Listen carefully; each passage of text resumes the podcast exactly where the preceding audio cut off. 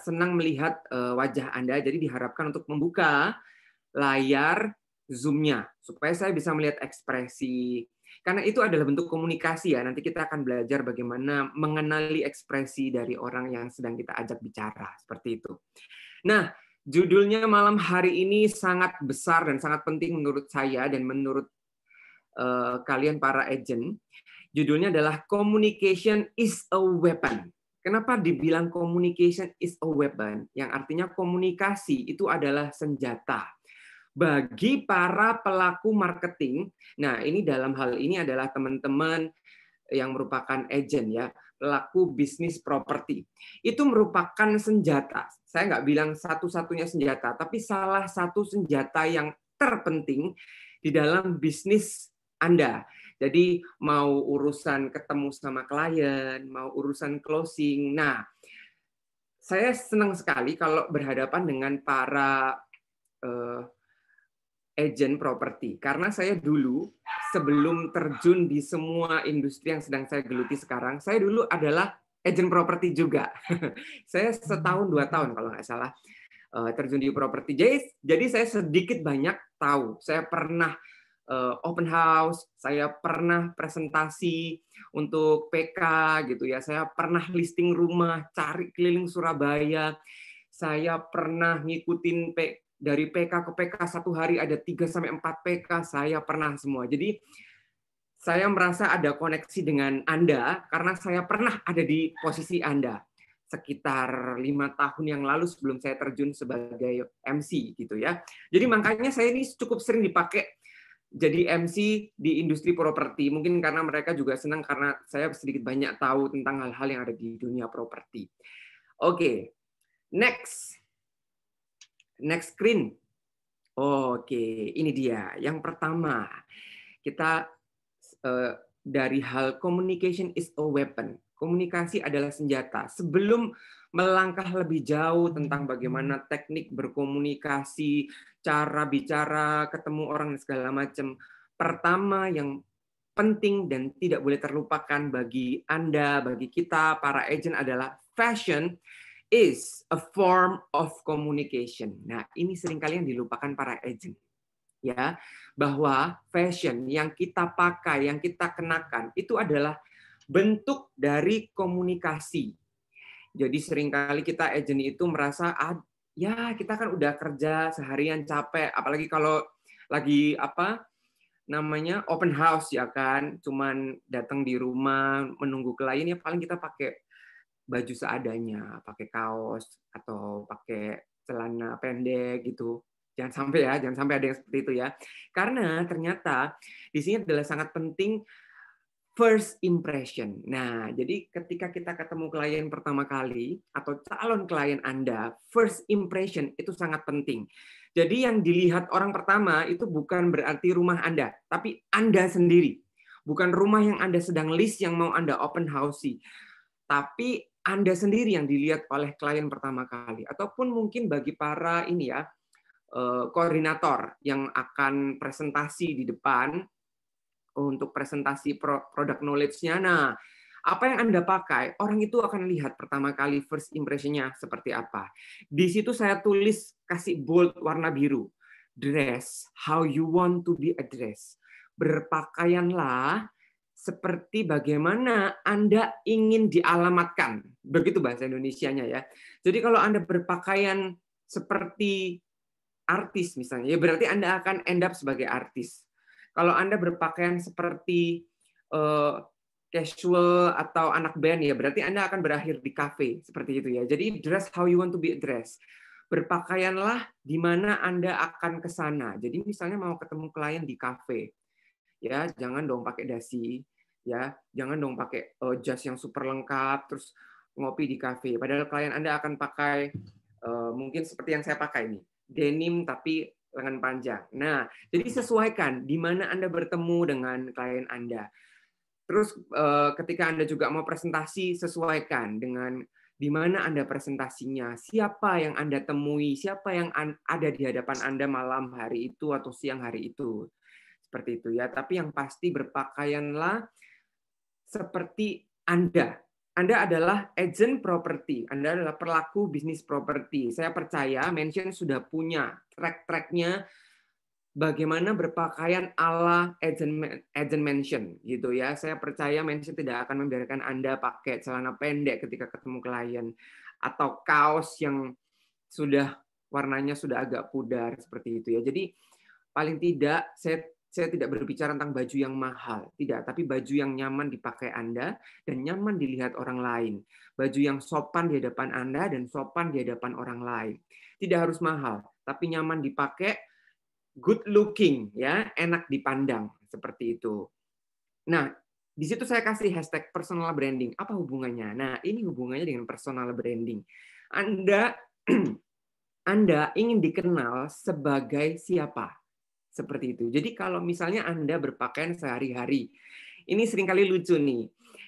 Uh, saya punya teman, ini saya selain cerita gitu. Saya punya teman MC juga gitu ya, MC Surabaya. Jadi uh, kita jalan-jalan lah di mall gitu. Dia pakai celana pendek dan kaos biasa gitu. Sana sama sandal jepit. Kan nge-mall, kan nggak mau event, kan nggak mau ketemu orang. Tapi di mall, di mall itu ketemu dong dengan calon calon klien yang minggu depannya dia bakalan kerja bareng. Shock kan? Karena waktu meeting kelihatan rapi dengan jas, dengan pakaian kemeja dan sepatu yang bagus. Tiba-tiba di mall bawa belanjaan pisang kanan kiri nenteng barang sama oh, rambutnya acak adul. Nah, ini loh yang perlu Anda perhatikan. Jadi Anda ingin dikenal sebagai siapa? Jadi jangan sampai terkecoh dengan keadaan. Kalaupun Anda sedang jalan di mall, tidak ketemu dengan orang, berpakaianlah seperti Anda ingin dikenal. Jadi walaupun Anda itu tidak akan ketemu dengan klien, tidak ada planning, kita tidak akan pernah tahu ketemu dengan siapa. Benar kan? Kalian ke mall ceritanya family time atau mau pacaran, mau dating. Kan nggak ada rencana ketemu dengan klien. Tapi kita nggak pernah tahu kalau klien akan menemui Anda di situ. Ketemu secara nggak sengaja. Bayangkan kalau dia ketemu dengan agent mention yang dari kartu namanya kelihatan keren, dari Instagramnya, uh, kelihatan listingan rumahnya bagus-bagus, eh ketemu dengan keluarga ternyata pakai sandal jepit, celana 3 per 4, sama kaos biasa. Nah, kita nggak pernah tahu kan. Jadi, setiap kali Anda melangkahkan kaki keluar rumah, berpakaianlah seperti Anda ingin dikenal. Kalau Anda ingin dikenal sebagai agent properti yang profesional, setiap kali Anda keluar rumah, berpakaianlah seperti agen profesional. Karena kita nggak akan pernah tahu. Itu yang namanya personal branding. Jadi waktu saya sebagai penyiar radio, penyiar radio ini nggak kelihatan kan? Penyiar radio ini cuma kelihat, cuma kedengeran suaranya kan. Tapi saya itu digodok personal brandingnya. Jadi ke tempat radio pun saya harus dandan seperti seorang saya. Saya ini ingin dikenal seperti apa gitu ya. Nah, kalau personal branding saya itu adalah uh, anak muda yang youthful, uh, terus juga simple tapi juga cheerful. Jadi makanya pakaian saya hari ini melambangkan saya. Lengan panjang tapi denim. Jadi saya bisa casual tapi juga bisa formal gitu ya. Jadi ketika pun saya sedang siaran di radio, saya nggak pakai kaos sama celana pendek. Di radio saya dandan. Rambut saya bagus, saya berdandan seperti seorang eh, public figure yang ingin saya keluarkan personal brandingnya seperti itu. Nah, jadi itu yang dinamakan personal branding ya. Anda keluar rumah adalah agent property. Bahkan sekarang lebih keren lagi, zaman milenial. Anda di rumah pun seperti sekarang nih di depan laptop, Anda berpakaian seperti personal uh, seperti agent property. Coba, saya ingin lihat gambar-gambar kalian, uh, video kalian semua. Apakah sudah berpakaian sama seperti agent properti. Coba boleh ini uh, apa namanya saya nggak bisa lihat ya ini kalau share uh, screen-nya adalah boleh diselesaikan dulu. Nah, oke, okay. sekarang saya mau ketemu sama Anda nih. Sekarang saya mau lihat semuanya. Duduknya yang bagus, duduknya yang tegak. Baik. Nah, ini bisa kelihatan loh. Mana agent properti yang sudah siap ketemu klien, mana agent properti yang belum siap ketemu klien. Nah, ini juga pelajaran ya buat Anda semua. Kita memasuki era baru. era di mana sosial media itu tidak bisa terlupakan dan tidak terhindarkan dari kehidupan kita. Meeting sekarang nggak cuman tatap muka langsung ketemu di kantor, di kafe, di mall.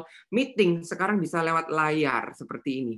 Jadi kalaupun Anda sedang di rumah, mau meeting, jangan sampai Anda pakai kaos. ya. Saya tidak sedang eh, berusaha menyerang atau menjatuhkan. Kalaupun sekarang pakai kaos, it's okay karena kita sedang belajar bersama-sama. Tapi dari sini justru kita dapat pelajarannya bahwa klien ada di mana-mana, everywhere. Kalaupun kita ketemu seperti ini, klien bisa menilai. Jangan sampai kamu Anda di rumah gitu ya, mau ketemu klien nih, kadang-kadang presentasi bisa lewat Zoom seperti ini kan, presentasi uh, listing atau project Anda yang mau sedang di, dikeluarkan. Jangan sampai ya, oh, sudah siap dengan yang bagus itu tadi apa materinya, share screen-nya bagus, tapi ketika muncul wajah Anda mau ngomong sama klien, kliennya lihat, waduh, kok pakai baju tidur, waduh, kok pakai piyama, waduh, kok pakai baju rumah. Terus perhatikan, ini pelajaran juga background Anda. Tiba-tiba backgroundnya di belakang ada panci-panci digantung, ya kan? Ada mama, anak-anaknya uh mondar mandir kanan kiri. Bisa-bisa kalian tuh lihat waduh gitu ya. Itu bisa menghilangkan fokus. Tadinya pengennya lihat rumah mendengarkan presentasi anda jadi hilang fokus dengan panci-panci yang ada di belakang anda. Gitu. Jadi sekarang profesional itu dinilai bukan hanya ketika anda melangkahkan kaki keluar rumah tapi di rumah di depan handphone dan zoom anda anda sudah dinilai sebagai agent yang profesional bawalah nama mention itu jati diri di dalam diri Anda. Jadi ketika Anda buka laptop, saya adalah agent mention yang sukses dan besar. Berpakaianlah seperti agent yang sukses dan besar. Begitu ya.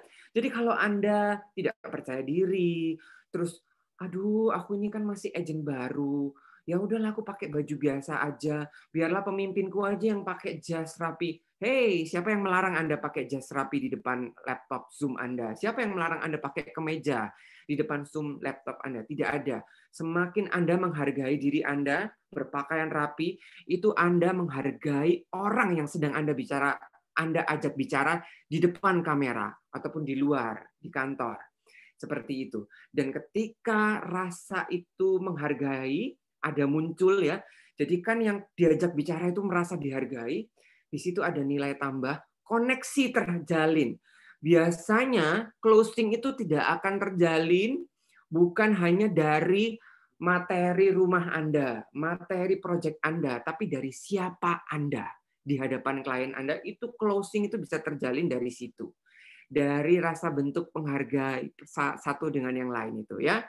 Jadi itu pelajaran pertama yang penting, personal branding. Ingat, siapa Anda? Ya, coba saya mau Anda mengucapkan ini. Kalau saya tanya, siapa Anda? Anda jawab, saya agent sukses mention property gitu ya. Saya agent sukses mention property. Seperti itu ya, dengan lantang, dengan yakin. Seperti itu ya. Oke, saya tanya sekarang. Siapa Anda? Saya agent sukses mention property. Ya, bagi Anda yang koordinator atau lead agent juga boleh ucapkan. Saya lead agent sukses mention property. Jadi mulai dari hari ini berpakaianlah seperti Anda ingin dikenal. Seperti itu. Soalnya kalau misalnya kita nggak konsisten, kita bisa dinilai tidak seperti itu. Jadi misalnya gini, saya ini ingin dikenal sebagai seorang MC terkenal di Surabaya. Tapi ketika saya nge-mall, saya pakai baju rumah karena cuma ke PTC pikirnya, cuma mau beli pisang sama belanja kebutuhan bulanan. Saya ke PTC, tapi ternyata di PTC saya ketemu klien yang akan saya temui dua minggu atau dua bulan ke depan. Mereka melihat, eh itu bukannya MC yang harusnya terkenal Surabaya itu ya? Kok gitu ya? Nah, mereka itu bisa menilai loh dari apa yang kita pakai. Jadi sekarang saya ini sudah pengalaman.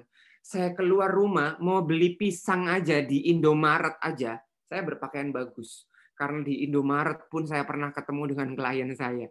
Jadi jangan remehkan Alfamart dan Indomaret. Anda bisa ketemu dengan klien Anda di Alfamart dan Indomaret. Ataupun pom bensin. Saya pernah ketemu klien di pom bensin. Jadi turun mobil atau turun dari kendaraan Anda, jangan sampai Anda dikenali sebagai orang yang tidak siap bertemu orang. Seperti itu ya. Oke. Baik, Pak. Kembali lagi ke ini. Materi ya. Nah, ini what you wear determine your mood. Betul kan? Ini kalau yang tadi saya bicarakan. Ini kalau sekarang udah masuk eranya sosial media, masuk eranya Zoom seperti ini. Apa yang Anda kenakan determine your mood, artinya menentukan mood Anda. Jadi kalau Anda sedang Zoom tapi Anda di atas kasur, kelihatan backgroundnya itu papan tempat tidur Anda. Nah, itu berarti mood Anda berarti sedang tidak siap untuk meeting. Anda tidak siap untuk closing. Jadi yang diajak ngomong kalau misalnya saya klien dan melihat Anda sedang berada di tempat tidur ketika Anda Zoom, saya sedang meng mengkonklusikan bahwa oh lagi santai nih orang, saya juga lagi malas deh jadinya gitu. Jadi nggak nggak serius, nggak konsentrasi gitu ya.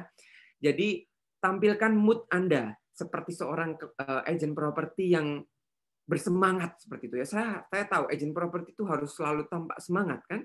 Walaupun sudah malam kalau ketemu klien lewat Zoom, walaupun sudah malam ketemu klien di cafe, di mall, ya Anda harus tetap bersemangat.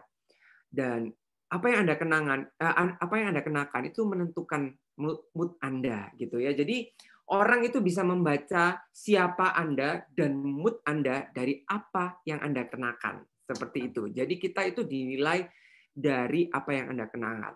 Ini a closer look at online manners ya. Jadi uh, online manners itu penting sekali apalagi masuk di era seperti sekarang banyak meeting lewat Zoom. Bener ya? Pak Sam banyak banyak nggak meeting lewat Zoom? Ya, betul, Pak. Betul ya. Hampir tiap ini, hari. Hampir tiap hari. Nah, itu.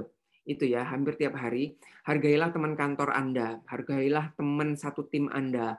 Ketika meeting online manners, ini adalah masuk era baru ya. Jadi ini juga materi yang baru tahun ini saya masukkan ketika Zoom dan sosial media mulai eh, mewabah di Indonesia. Karena pandemi mewabah, online juga mewabah. Jadi manners ini harus diperhatikan. Bagaimana Anda bersikap di depan Zoom seperti ini? Bagaimana Anda duduk? Apakah duduknya miring? Apakah duduknya Anda begini di depan kamera?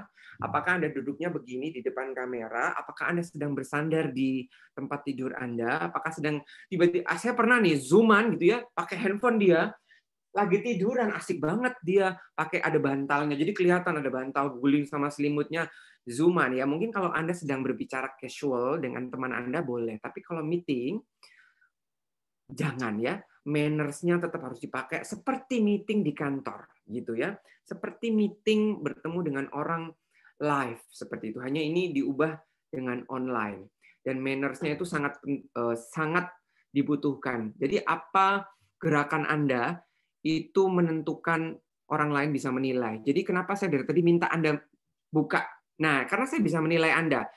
Orang yang sudah mulai bosen kelihatan. Biasanya gelisah. Dia mulai cari handphonenya, dia mulai ngapain. Terus kalau udah bosen, kadang ada yang mulai seperti ini, ada yang mulai garuk-garuk. Nah, itu anda bisa membaca. Ini juga saya ngajarin Anda ya. Anda bisa membaca klien Anda. Anda bisa membaca teman sekantor Anda kalau sedang meeting kalau sudah mulai gini, sudah mulai gini, ini pusing udah, ini udah mulai bosan juga, udah mulai gelisah. Nah, itu Anda bisa baca semua dari bahasa tubuh ya. Ini berhubungan dengan body language. Jadi online manners itu berhubungan dengan body language. Ingat, body language adalah salah satu bentuk komunikasi juga. Jadi, cara Anda duduk itu sangat menentukan ya. Oke, next Pak. Nah, ini penting sekali. Rumusnya, ayo ini boleh harus dicatat. Buat Anda agent sukses, buat Anda lead agent ataupun kok koordinator, ini sering kali saya ditanya, kenapa sih kok kita harus berpenampilan oke okay banget? Gitu ya. Kenapa kita nggak nggak boleh pakai jeans belel yang sobek-sobek, terus pakai uh, kaos yang sobek-sobek juga kanan kirinya lalu ketemu klien. ya terserah kalau memang Anda ingin dikenal sebagai agent yang roh gitu ya, tapi seharusnya agent yang profesional Anda tahu menempatkan diri, apa yang Anda pakai. Karena ini rumusnya ya, people see you a hundred percent. People hear you 70%, and people listen to you 50%. Nah, ini saya jelaskan. Orang itu ngelihat Anda 100%. Jadi Anda ketemu klien, di tempat di depan rumah yang Anda sedang listing atau di depan project yang sedang Anda mau jual atau buat para koordinator yang ingin presentasi PK di depan para agent-agent berapapun jumlah agent yang Anda hadapi ketika presentasi, mau 10, mau 5, mau 100, mau 1000, mereka tuh melihat Anda semua 100%. Makanya itu tadi balik materi yang tadi. Mereka menilai Anda, oh ini agent keren nih. Wah, keren banget. Kelihatan berwibawa nih. Kalau Anda semakin terlihat good looking, kalau Anda semakin terlihat terawat gitu ya, berarti Anda terlihat bahwa Anda menghargai diri Anda sendiri. Karena mereka tahu loh, kalau Anda tidak bisa menghargai diri Anda sendiri, bagaimana anda bisa menghargai orang lain. Mereka berpikir seperti itu. Jadi mereka akan lihat Anda semua. Screening semua. Oh, ngelihat nih. Semua orang melihat Anda. 100% ya. Tapi yang mendengarkan, hear, itu 70%. Ya, sisanya mungkin main handphone, sisanya mungkin sudah nggak tertarik lagi dengan Anda, sisanya mungkin lagi sibuk karena ditelepon sama klien lain yang mau lihat rumah lain, atau sisanya mungkin lagi ditelepon sama uh, apa bos propertinya yang lagi di tempat lain gitu ya. Nah, ini people listen to you. Listen itu bukan cuma mendengarkan telinga, tapi listen to you. Masuk sampai sini. Dia menyimak, bukan mendengarkan, tapi menyimak. Yang menyimak Anda itu cuma 50%. Nah, jadi ketahuilah, ini buat Anda yang presentasi-presentasi nih ya. Buat para lead agent atau koordinator yang sering presentasi PK. Ini harus diperhatikan Ketika Anda naik panggung, semuanya lihat Anda. Jadi berpakaianlah yang baik. Lalu Anda berbicara. Mereka mendengarkan Anda 70%. Jadi dari 100 orang yang mendengarkan Anda 70. Tapi yang menyimak Anda itu cuma 50. Jadi the power of communication itu benar-benar harus dikuatkan di sini karena Anda tahu bahwa ternyata yang mendengarkan Anda itu cuma 50. Kalau yang mendengarkan cuma 50 berarti yang paham materi Anda ini sebenarnya cuma 50. Pernah tahu kan orang-orang yang pulang dari PK ditanyain sama teman kantornya apa? Lupa. Nggak tahu. Ngelihat ngelihat ini. Nanti aja ditunggu WA-nya, materinya nanti bakalan dikirim gitu kan? Pernah kan? Ngelihat orang yang pulang dari PK terus kalian tanya sama teman kalian karena kalian tidak datang kamu anda tidak tidak datang PK terus anda tanya eh tadi gimana ini project oh iya ya tadi gimana ya semua orang menyimak saat itu. Nggak semua orang akhirnya menyerap materi Anda. Nah, jadi the power of communication itu begitu diperlukan.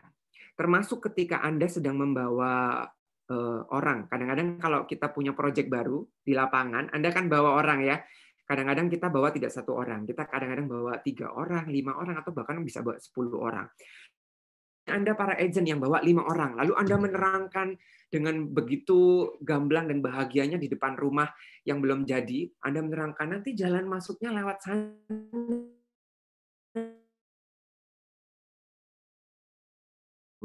Semuanya melihat Anda, melihat pakaian Anda, melihat bagaimana Anda berbicara, melihat bagaimana Anda memperlakukan mereka. Tapi yang mendengarkan dari lima itu cuma 70 persennya. Berarti cuma 3 sampai empat orang. Sisanya mungkin dia lagi ngelihat-lihat sendiri, oh, oh gini, apa areanya, oh gini, mereka asik sendiri. Tapi yang benar-benar menyimak cuma 50 Anda bawa lima orang nih.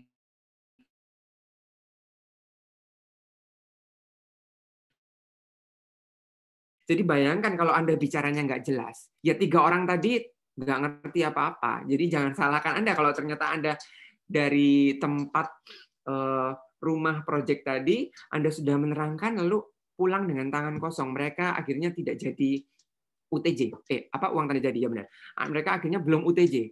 Nah, jadi karena seperti itu, power of communication-nya. Jadi sepenting itu bagaimana Anda bisa mempengaruhi klien Anda. Nanti kita akan belajar how-nya. Ini pengetahuannya dulu ya. Itu saya tulis, that's why first impression is very important. Seperti itu. Itulah kenapa first impression sangat penting. Karena bisa jadi mereka closing karena first impression Anda. Bisa jadi mereka nggak closing karena first impression Anda. Ketemu sama Anda, karena Anda sibuk, tiba-tiba seharian penuh, kliennya mintanya ketemu sore apa malam, sampai lokasi Anda udah acak adul. Rambut udah berantakan, terus aroma ini udah eh, beraroma keringet gitu ya, udah nggak ada aroma parfum, udah berubah jadi aroma keringet. Terus muka ini udah uh udah minyak semua, udah keringet semua. Oh, first impression loh. Mereka bisa jadi tidak closing karena melihat Anda seperti itu gitu ya. Tidak ada alasan karena mereka melihat Anda. Jadi misalnya Anda alasan, sorry Pak ya, sorry Pak, saya dari rumah, saya buru-buru, belum sempat ganti baju, saya pakai celana pendek. Anda mau sorry, kayak mereka tetap tersenyum. Iya, enggak apa-apa Pak, tahu lah ya, ya, enggak apa-apa.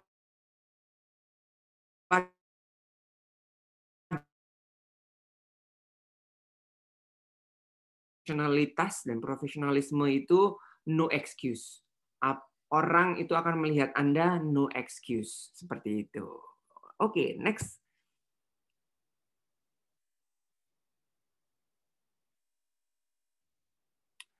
Nah, ini sekarang kita mulai masuk ke ilmu komunikasinya, communication skill-nya ya. Kalau dari tadi saya bicara tentang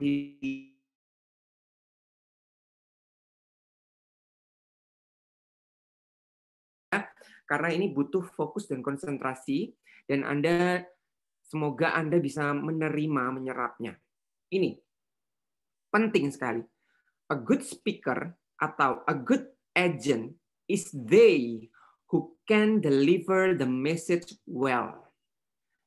Jadi agent yang baik adalah mereka yang bisa menyampaikan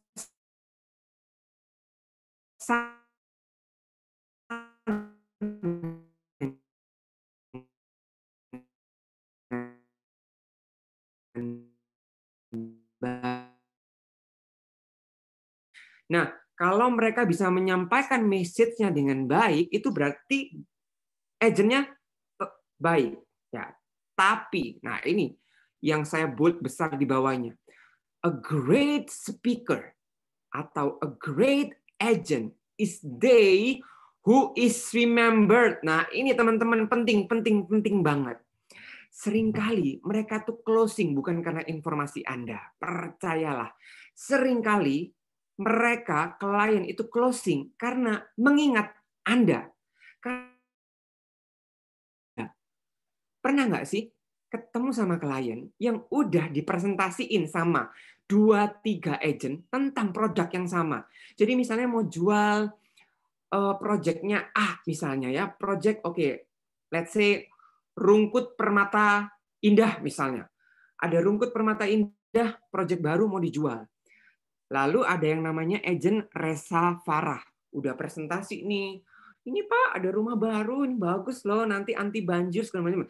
Terus tiba-tiba Bapak Sujarwo juga ketemu di lain hari sama klien yang sama. Iya Pak, ini gini gini. Terus tiba-tiba di lain minggu ada Ibu Dian Priyanti ketemu dengan klien yang sama ini. Udah tiga kali dipresentasiin dengan proyek yang sama, Rungkut Permata Indah itu. Tapi kok bisa kadang-kadang closingnya sama Ibu Resa Farah misalnya.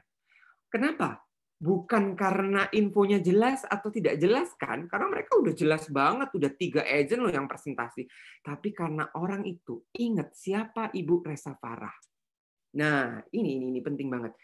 Jadi a great agent, agent yang hebat. Kalau tadi kan agent yang bagus, ini agent yang hebat adalah mereka yang diingat sama kliennya. Eh, koordinator yang hebat, lead agent yang hebat adalah mereka yang presentasinya tuh diingat gitu sama para agent-agent yang sedang dipresentasiin.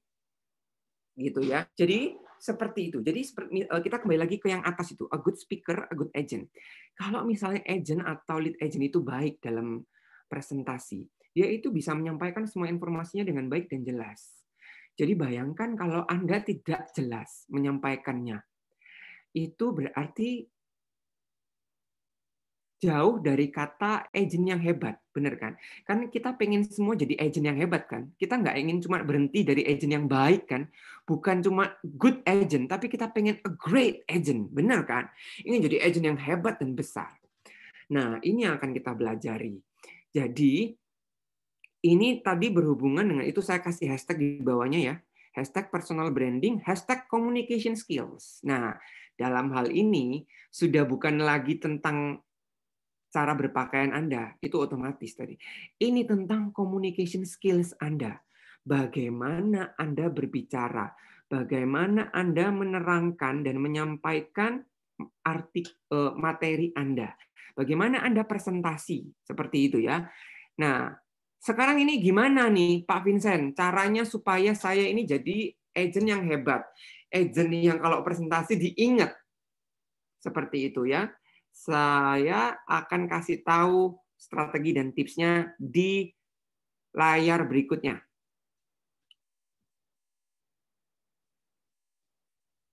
Oke. Nah, ini ini masuk communication skills ya, materinya. Itu. Saya tulis ini adalah 101 presentation or viewing communication. Kenapa saya tulis seperti itu? Jadi uh, one on one presentation, basic presentation buat Anda para lead agent dan koordinator yang biasanya harus presentasi PK atau ngajari agent-agentnya tentang suatu produk. Dan juga viewing communication buat Anda para agent yang biasanya viewing ya, ketemu kliennya di tempat, di lokasi atau mungkin di cafe atau mungkin ketemunya di mall. Seperti itu. Nah, ini sama ilmunya yang pertama, yang paling penting itu adalah a good articulation makes you sound smarter. Artikulasi yang baik membuat Anda terdengar pintar, terdengar smart. Percayalah. Gini ya, pernah nggak sih ketemu sama orang yang kalau dia lagi ngomong tuh kita kayak merasa orang ini keren banget ya, pinter banget ya, gitu kan ya. Nah, karena orang itu ngomongnya dengan jelas. Yang jelas apanya? Artikulasinya. Jadi kalau ngomong A, I, U, E, O, itu harus jelas. Terus biasanya agent itu kebiasaan seperti ini loh ya. Saya tahu banget karena saya dulu juga agent kan. Semua teman kantor saya kita sering presentasi dan viewing bareng. Biasanya kalau udah lagi bersemangat, kita kalau lagi viewing presentasi rumah kita nih, kan semangat kan? saking semangatnya, saking excitednya ngomongnya kita tuh cepet, kecepetan. Akhirnya pace atau tempo ya, ini termasuk dalam articulation ya. Pace atau temponya tuh cepat. Nah, kalau dari tadi saya bicara, saya usahakan temponya itu medium.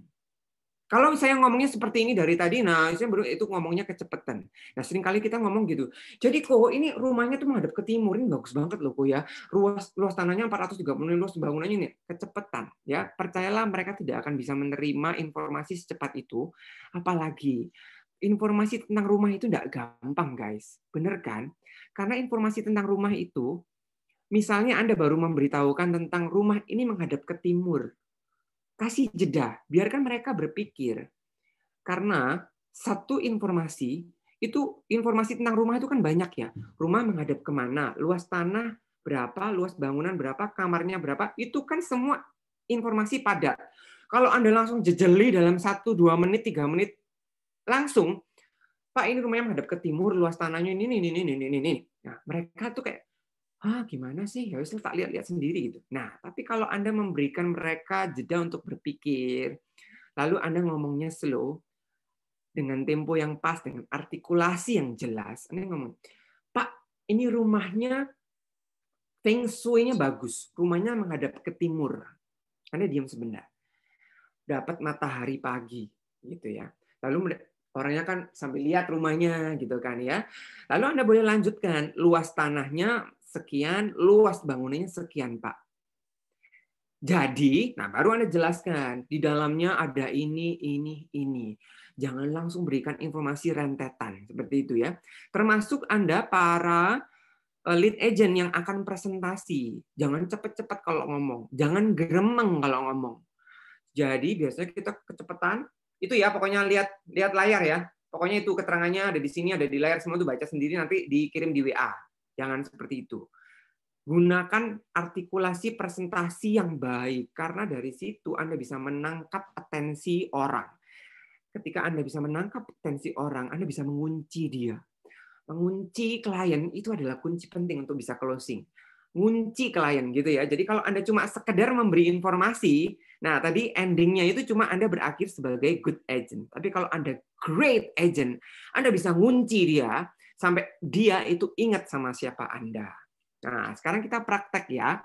Namanya workshop, itu ada prakteknya. Supaya Anda tahu artikulasi yang baik seperti apa. Biasanya saya selalu mengajarkan sama murid-murid saya. Kalau murid-murid saya kan juga banyak yang MC ya. Saya tuh juga ngajar MC yang masih teenager, yang masih remaja dan juga MC-MC kecil. Terus saya juga ngajar eh, para marketing biasanya. Saya ajak mereka sebelum mereka presentasi atau ketemu klien, mereka melakukan yang namanya pemanasan sedikit. Ketika di mobil ataupun di motor, sebelum sampai tempat tujuan tidak akan makan waktu lama, hanya waktu 1 sampai 2 menit. Itu saya ajak untuk pemanasan. Pemanasan itu gunanya untuk mengingat. Untuk oh ya, saya ngomongnya harus jelas, harus hati-hati. Jadi biasanya saya ajak pemanasan seperti ini ya. Semuanya ikut ya. Duduk yang tegak, lalu kita akan mengatakan huruf vokal dengan mulut yang dibuka, dengan suara yang lantang. Ya, jadi misalnya seperti ini. A, I, U, E, O. Ya, ikutin semuanya ya sama-sama. Satu, dua, tiga. A, I, U, E, O. Nah, setelah itu pemanasannya sebelum ketemu orangnya, Anda latihan dulu dong di mobil atau di motor itu, ucapkan kata-katanya. Halo Pak, selamat siang. Ucapkan itu dengan jelas. Kalau Anda merasa belum jelas, ulangi lagi. Kalau misalnya Anda kayak, halo Pak, selamat siang. Kurang kayaknya. halo Pak, selamat siang. Apa kabar? Seperti itu dulu, latihan. Nanti ketika udah ketemu orangnya, anda udah tahu, oh ngomongnya harus sejelas ini. Kan tadi udah A, I, U, E, O kan. Lalu ketika Anda bilang, halo Pak, selamat siang, apa kabar? Anda pakai A, I, U, E, O yang sama. Seperti yang barusan kita latih. gitu ya. Coba, sekarang kita latihan lagi. A, I, U, E, O. Lalu dilanjutkan. Halo Pak, selamat siang, apa kabar? Seperti itu ya. Halo Pak, selamat siang, apa kabar? Dengan artikulasi yang jelas huruf hidupnya jelas, huruf matinya juga jelas. H, L, P, K, R itu semua harus jelas ya. Jangan, halo Pak, apa kabar? Apa kabar, apa kabar Pak? Hmm, sering kali kita gitu ya. Kalau ketemu orang kan biasa. Jadi kita pengennya kan kelihatan pinter. Nah itu loh.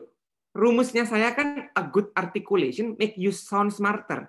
Kalau kamu itu ngomongnya tegas, ngomongnya lantang, dengan artikulasi yang jelas itu pasti ketok pinter percayalah.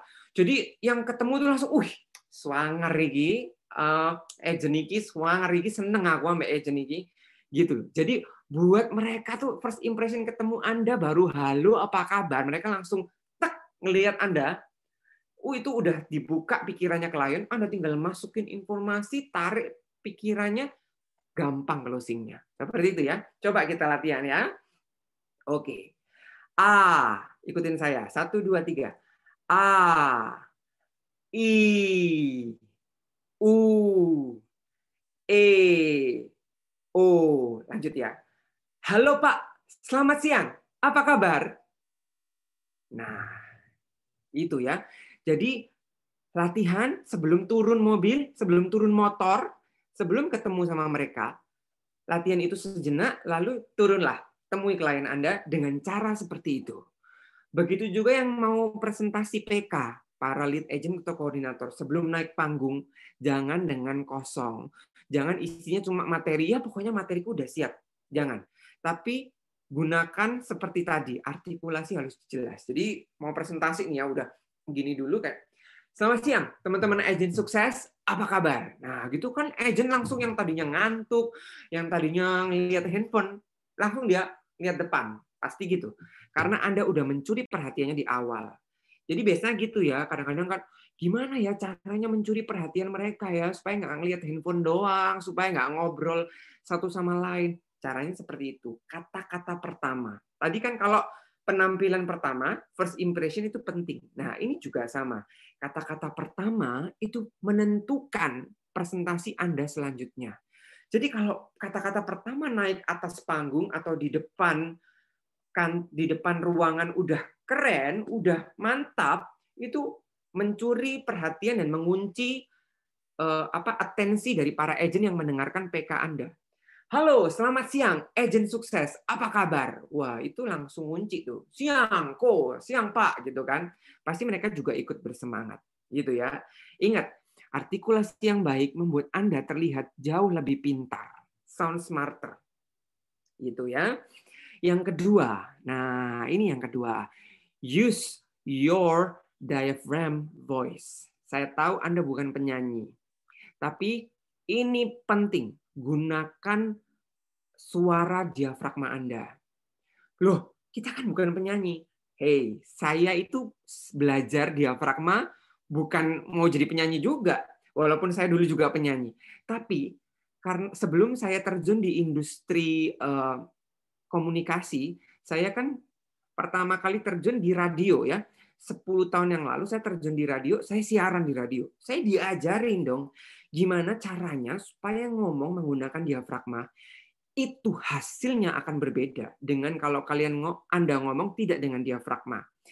Biasanya gini ya, ada bedanya. Kalau misalnya agent yang ngomongnya itu biasa, itu tidak bisa mencuri perhatian. Pernah pernah tahu nggak? Kayak apa ya yang membedakan ya? Agent ini rajin sih, tapi kalau ngomong kok beda sama orang ini. Kalau orang ini ngomong tuh seperti ada karismanya. Nah, percayalah karisma itu bisa dipelajari. Karisma itu bisa didapat bukan cuma dari look tapi dari Anda ngomong. Jadi pernah kalau mungkin Anda pernah ketemu dengan eh, pemimpin Anda yang misalnya atau agent senior yang kliennya banyak, closingnya banyak, tiba-tiba kalian kalian menemukan bahwa pembawaannya dia itu adalah orang yang tegas. Orang yang kalau ngomong itu jelas, yang suaranya gede atau lantang gitu ya. Atau biasanya eh, yang kadang-kadang yang cerewet gitu kan ya. Nah, karena produksi suara kita itu menentukan mereka itu akan mendengarkan kita apa enggak. Mereka itu nyaman enggak sama suara kita gitu ya. Nah, jadi ada bedanya. Misalnya nih, misalnya dari tadi saya presentasi ini, saya tuh pakai diafragma saya. Kalau misalnya saya nggak pakai diafragma saya, saya tuh kayak ngomong di rumah. Jadi ini saya nggak pakai diafragma saya, saya ngomong biasa. Jadi teman-teman, kita malam hari ini akan belajar tentang artikulasi yang baik ya. Artikulasi yang baik itu akan membuat Anda terlihat lebih pintar daripada biasanya. Nah, suara saya tidak terlalu menarik kan karena memang saya suaranya begini tapi saya jadi bisa buat lebih menarik seperti ini karena saya pakai diafragma saya. Jadi ini sudah pakai diafragma ya. Jadi teman-teman kita akan belajar artikulasi yang baik. Nah ini saya pakai diafragma. Beda kan? Ada bedanya walaupun sedikit. Tapi itu akan membuat orang kelihatan wah berwibawa nih orangnya. Wah tegas nih orangnya. Jadi itu akan melatih Anda. Terus, ini rahasianya. Bisa membuat Anda terlihat sebagai agent yang percaya diri. Kelihatan penuh percaya diri. Dan suara Anda kalau dikeluarkan lewat diafragma, itu tiba-tiba kayak, uh, kok gede ya? Terus Anda tiba-tiba akan jadi percaya diri. Percayalah. Ketika Anda ngomong dengan yakin dari dalam diri Anda, it's kayak whole body menggunakan semua yang Anda punya dari dalam diri Anda, itu tiba-tiba rasa percaya diri bisa bangkit loh. Percayalah. Kalau Anda ngomongnya gini, kuku gitu ya, apa? Ini eh, bahu ditutup, terus tangan dilipat di depan. Iya, Pak. Jadi rumahnya nih udah lama sih dijualnya. Ya, luasnya gini eh, empat gitu. siapa sih yang menarik? Rumahnya lebih menarik daripada presentasi Anda bisa-bisa gitu ya. Tapi kalau ini ini nih, apa? Penting banget nih. Apa ini? Bahu dibuka. Ya, bahu dibuka berdirinya lebar itu supaya diafragma ya. Jadi kalau Anda kasih tahu diafragma itu ada di daerah sini. Nah, di daerah perut bagian bawah ya. Jadi itu harus dibuka lebar ini. Hmm, makanya kalau misalnya Anda sekolah John Robert Power, tahu nggak sih John Robert Power? Kalau zaman saya tuh ngetren banget ya. Jadi itu sekolah kepribadian gitu lah. Itu kita selalu harus duduknya tegak, bahu dilempar ke belakang atau berdiri juga dilempar ke belakang. Itu supaya hubungannya bukan cuma sekedar bodinya kelihatan bagus, kelihatan gagah, kelihatan percaya diri, itu ngefek sama suara yang keluar. Coba sekarang Anda duduk semua, duduknya tegak, bahunya lempar ke belakang. Oke. Lalu ini ruang dada dibuka, dilebarkan dengan besar ya. Oke. Sekarang coba Anda ngomong seperti yang tadi ya. Halo Pak, selamat siang. Apa kabar? Dengan posisi seperti ini ya.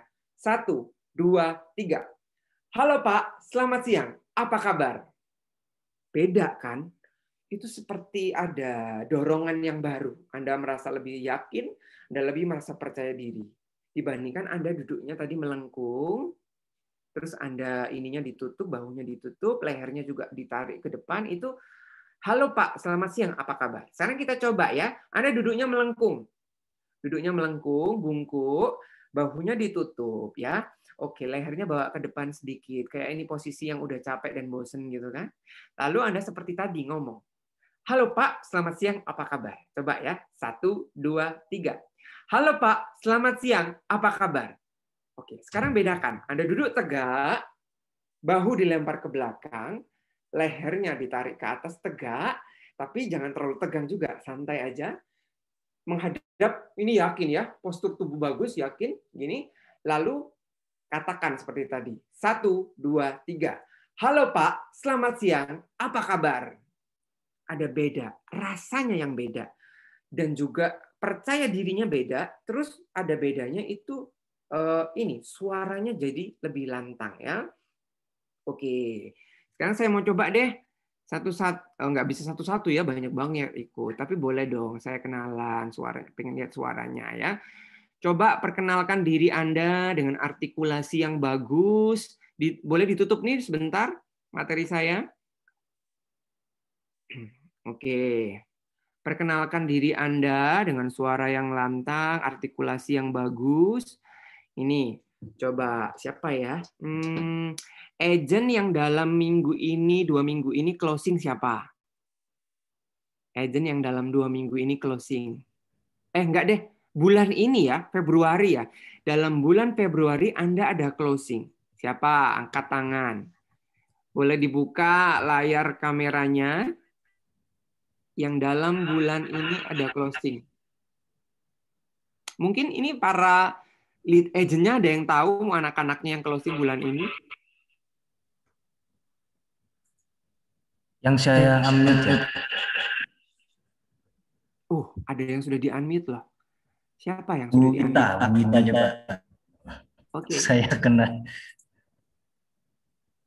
Coba. Siapa namanya, Pak? Bu Wita. Puswita. Bu Wita.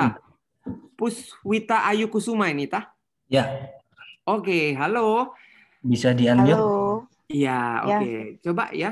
Anda duduknya yang bagus, artikulasinya yang bagus, perkenalkan diri Anda, nama lengkap, dan Anda dari mention mana, lalu project apa yang Anda jual. Halo, selamat malam. Saya Puswita Ayu Kusmawardani dari Mention Citraland. Saya kemarin closing Get Hamlet. Wah, kasih tepuk tangan dong. Closing Gate Hamlet ya. Bagus, bagus, bagus. Ya. Nah, satu lagi yang tadi cewek. Saya sekarang boleh cowok dong. Cowok yang dalam tahun ini closing Januari Februari. Yang cowok siapa ya? Kagak kebuka dan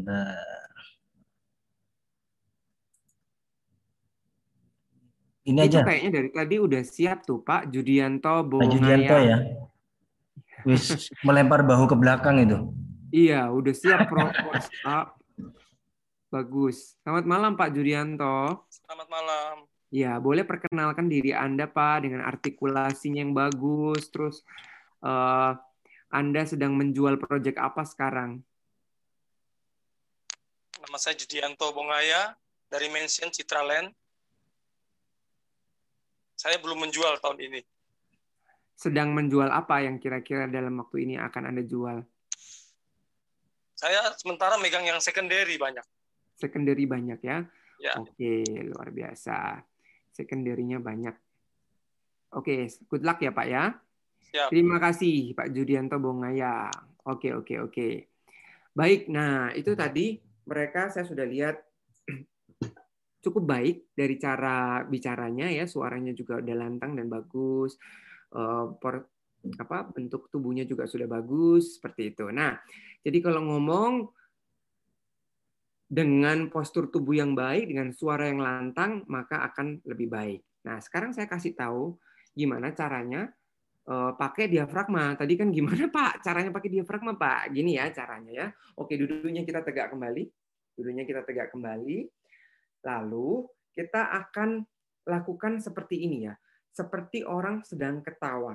Kalau kita semua tertawa, terbahak-bahak, itu akan pakai diafragma sebenarnya.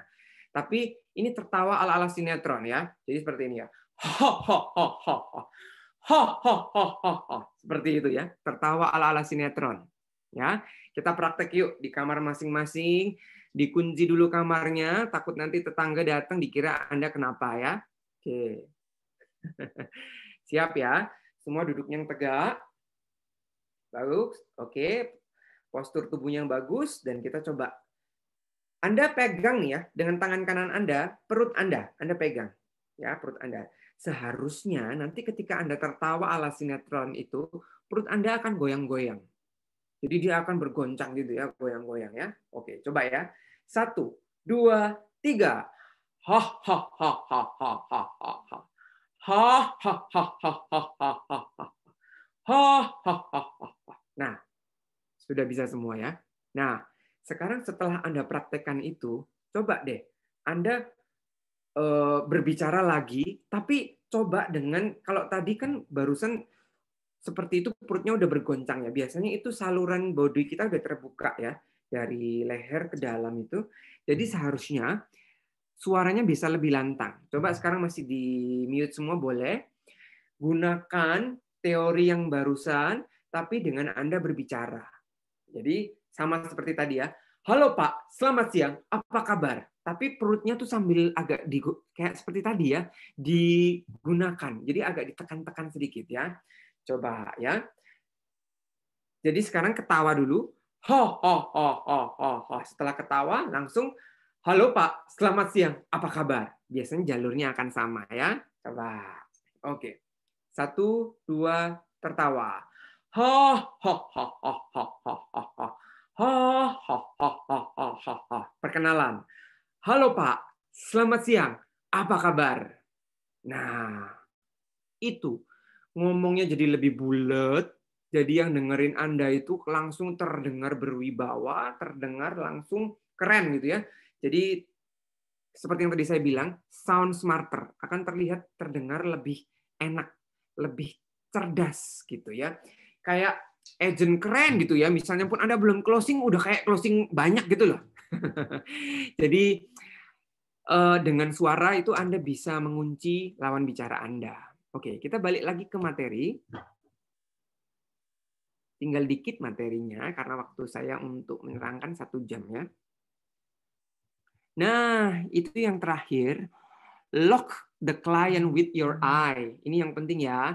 Kunci klien Anda dengan mata Anda. Ini percayalah eh, peribahasa orang zaman dahulu dari mata turun ke hati sampai zaman sekarang itu masih terbukti berlaku. Jadi kalau Anda berbicara, apalagi agent ya, itu sering kali gini ya, karena kita sedang memperkenalkan rumah dan wilayahnya. Jadi kita itu kalau lagi turun di tempat viewing, kita tuh lebih asik mantengin rumah kan, benar. Jadi Pak, ini luas tanahnya segini Pak, nanti lewat sana loh Pak uh, jalan keluarnya one gate sistemnya di sebelah sana. Nah, sebelah sana itu ada uh, nanti apa clubhouse-nya di sebelah sana. Jadi kita itu tidak melihat dia. Kita tidak lihat matanya dia. Nah, ini yang kurang dari kita. Ini yang salah dari dari kita ya. Jadi boleh dong menjelaskan rumah kita ketika kita viewing. Boleh ketika kita presentasi buat para agent uh, apa lead agent kita presentasi memperhatikan screen boleh. Tapi ingat untuk mengajak bicara lawan Anda yang saat itu Anda bawa viewing, itu ajakan bicara dengan cara tatap matanya. Kalau bicara tatap matanya, tiga detik, lima detik, sepuluh detik. Tiga detik pertama Anda mengunci tatapan matanya. Ketika Anda sama-sama saling menatap, C gitu ya, kayak misalnya tatap dan tatap, itu itu Anda sedang mengunci klien Anda. Ketika Anda sedang menatap matanya, berikan informasi yang penting Nah, jadi ini kuncinya ya. Ketika Anda sedang tatap matanya dia, berikan informasi yang paling penting menurut Anda saat itu. Berikan informasi yang menurut Anda itu bisa menjual dan bisa membuat orang itu beli di Anda. Jadi setelah Anda ini memperkenalkan Anda sedang lihat-lihat rumahnya ya, boleh nih. Lihat sekeliling, balik lagi ke orangnya, tatap matanya, ajak bicara, beri kunci matanya, lalu berikan informasi yang paling penting dari situ.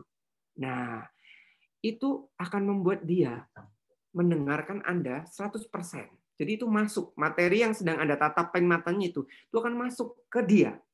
Jadi informasi yang paling penting itu Anda berikan ketika Anda tatap matanya. Itu akan membuat dia terkunci di Anda seperti itu ya. Makanya lock the client with your eye. Nanti dari situ boleh balik lagi lihat-lihat rumahnya, lihat-lihat brosurnya, boleh. Tapi jangan lihat brosur terus. Jangan presentasi, presentasiin brosur. Jangan presentasi, presentasiin rumahnya mulu, rumahnya. Ingat, yang mau beli itu dia.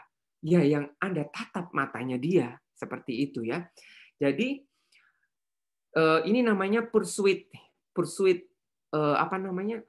Teknik pursuit, teknik membujuk, bukan membujuk ya, apa yang namanya? Kayak teknik merayu, teknik yang membuat dia itu untuk segera membeli di Anda.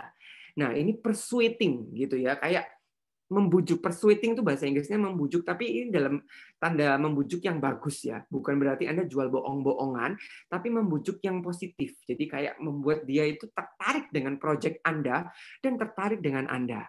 Ya, ingatlah mereka biasanya beli beli bukan hanya karena tertarik dengan proyeknya, tapi tertarik dengan siapa Anda. Begitu. Tertarik dengan Anda sebagai agent. Gitu. Jadi kalau berbicara tadi dengan artikulasi yang jelas, dengan tempo yang pelan dan baik, tapi jangan terlalu pelan ya, bukan slow banget, medium tempo seperti sedang saya bicara ini. Lalu gunakan suara yang lantang, diafragmanya yang baik, lalu tatap matanya. Nah, itu akan mengunci klien Anda di Anda. Itu akhirnya membuat Anda jadi remembered. Yang tadi saya bilang, a great speaker is they who is remembered. Agent yang hebat adalah mereka yang mengingat yang bisa diingat sama kliennya. Nah, jadi ya itu tadi cara-caranya seperti itu. Gitu ya. Termasuk lead agent yang presentasi PK-nya.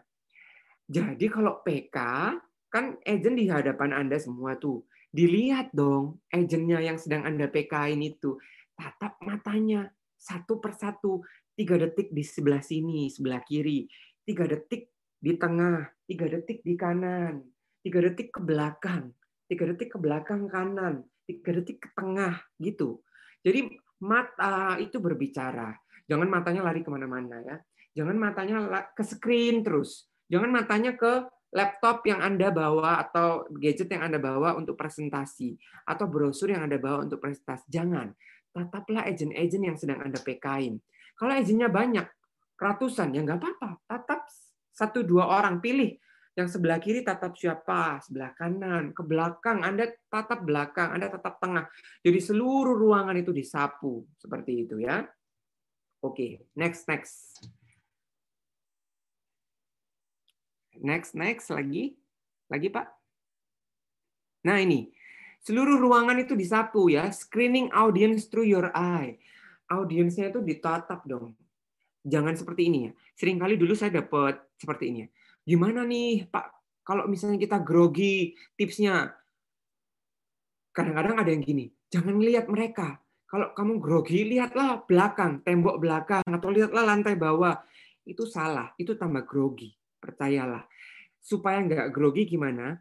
Screening audience through your eye. Ditatap semua audiens yang sedang Anda PK ini tuh, dari kiri kanan semuanya sebelum Anda mulai berbicara. Itu nanti namanya Anda akan menguasai audiens Anda. Jadi gitu Gimana caranya mau menguasai audiens hari itu? Sebelum Anda membuka mulut Anda, screening mereka dari kiri kanan ke belakang seret. Halo, selamat siang. Uh, itu kelihatan keren banget di depan ruangan, di atas panggung. Seberapapun jumlah agentnya, screening mereka. Itu Anda akan less grogi, akan terkurangi groginya karena Anda mengakui bahwa mereka ada di depan Anda, gitu ya. Seperti itu. Terus yang kedua, talk to them personally. Nah, ini yang penting ya. Maksudnya apa? Bicara sama mereka personally. Kalau buat agent yang viewing, bicara personally otomatis karena viewing cuma sedikit ya. Mungkin cuma satu orang yang dibawa, dua orang, lima orang. Tapi talk to them personally. Kalau udah tiba-tiba banyak yang dibawa di tempat project, atau buat agent yang sedang PK, di depan Anda banyak agent yang Anda kasih informasi, jangan pakai kata kalian. Makanya dari tadi saya meminimalkan, saya tadi ada salah satu dua kali dengan kata kalian, saya ganti dengan kata Anda. Ya, karena kalau kalian itu jamak, itu tidak masuk di dia. Kayak ya dia bukan ngomong sama saya.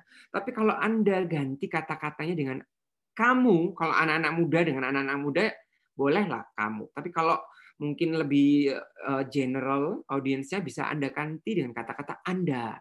Selamat siang Anda, apa kabar? Nah, buat Anda yang ingin mendaftarkan kliennya, Anda bisa menuju ke meja registrasi. Nah, itu langsung straight to the person from person. Itu langsung masuk ke pribadinya orang satu persatu. Karena dia merasa dituju, Anda, bukan kalian.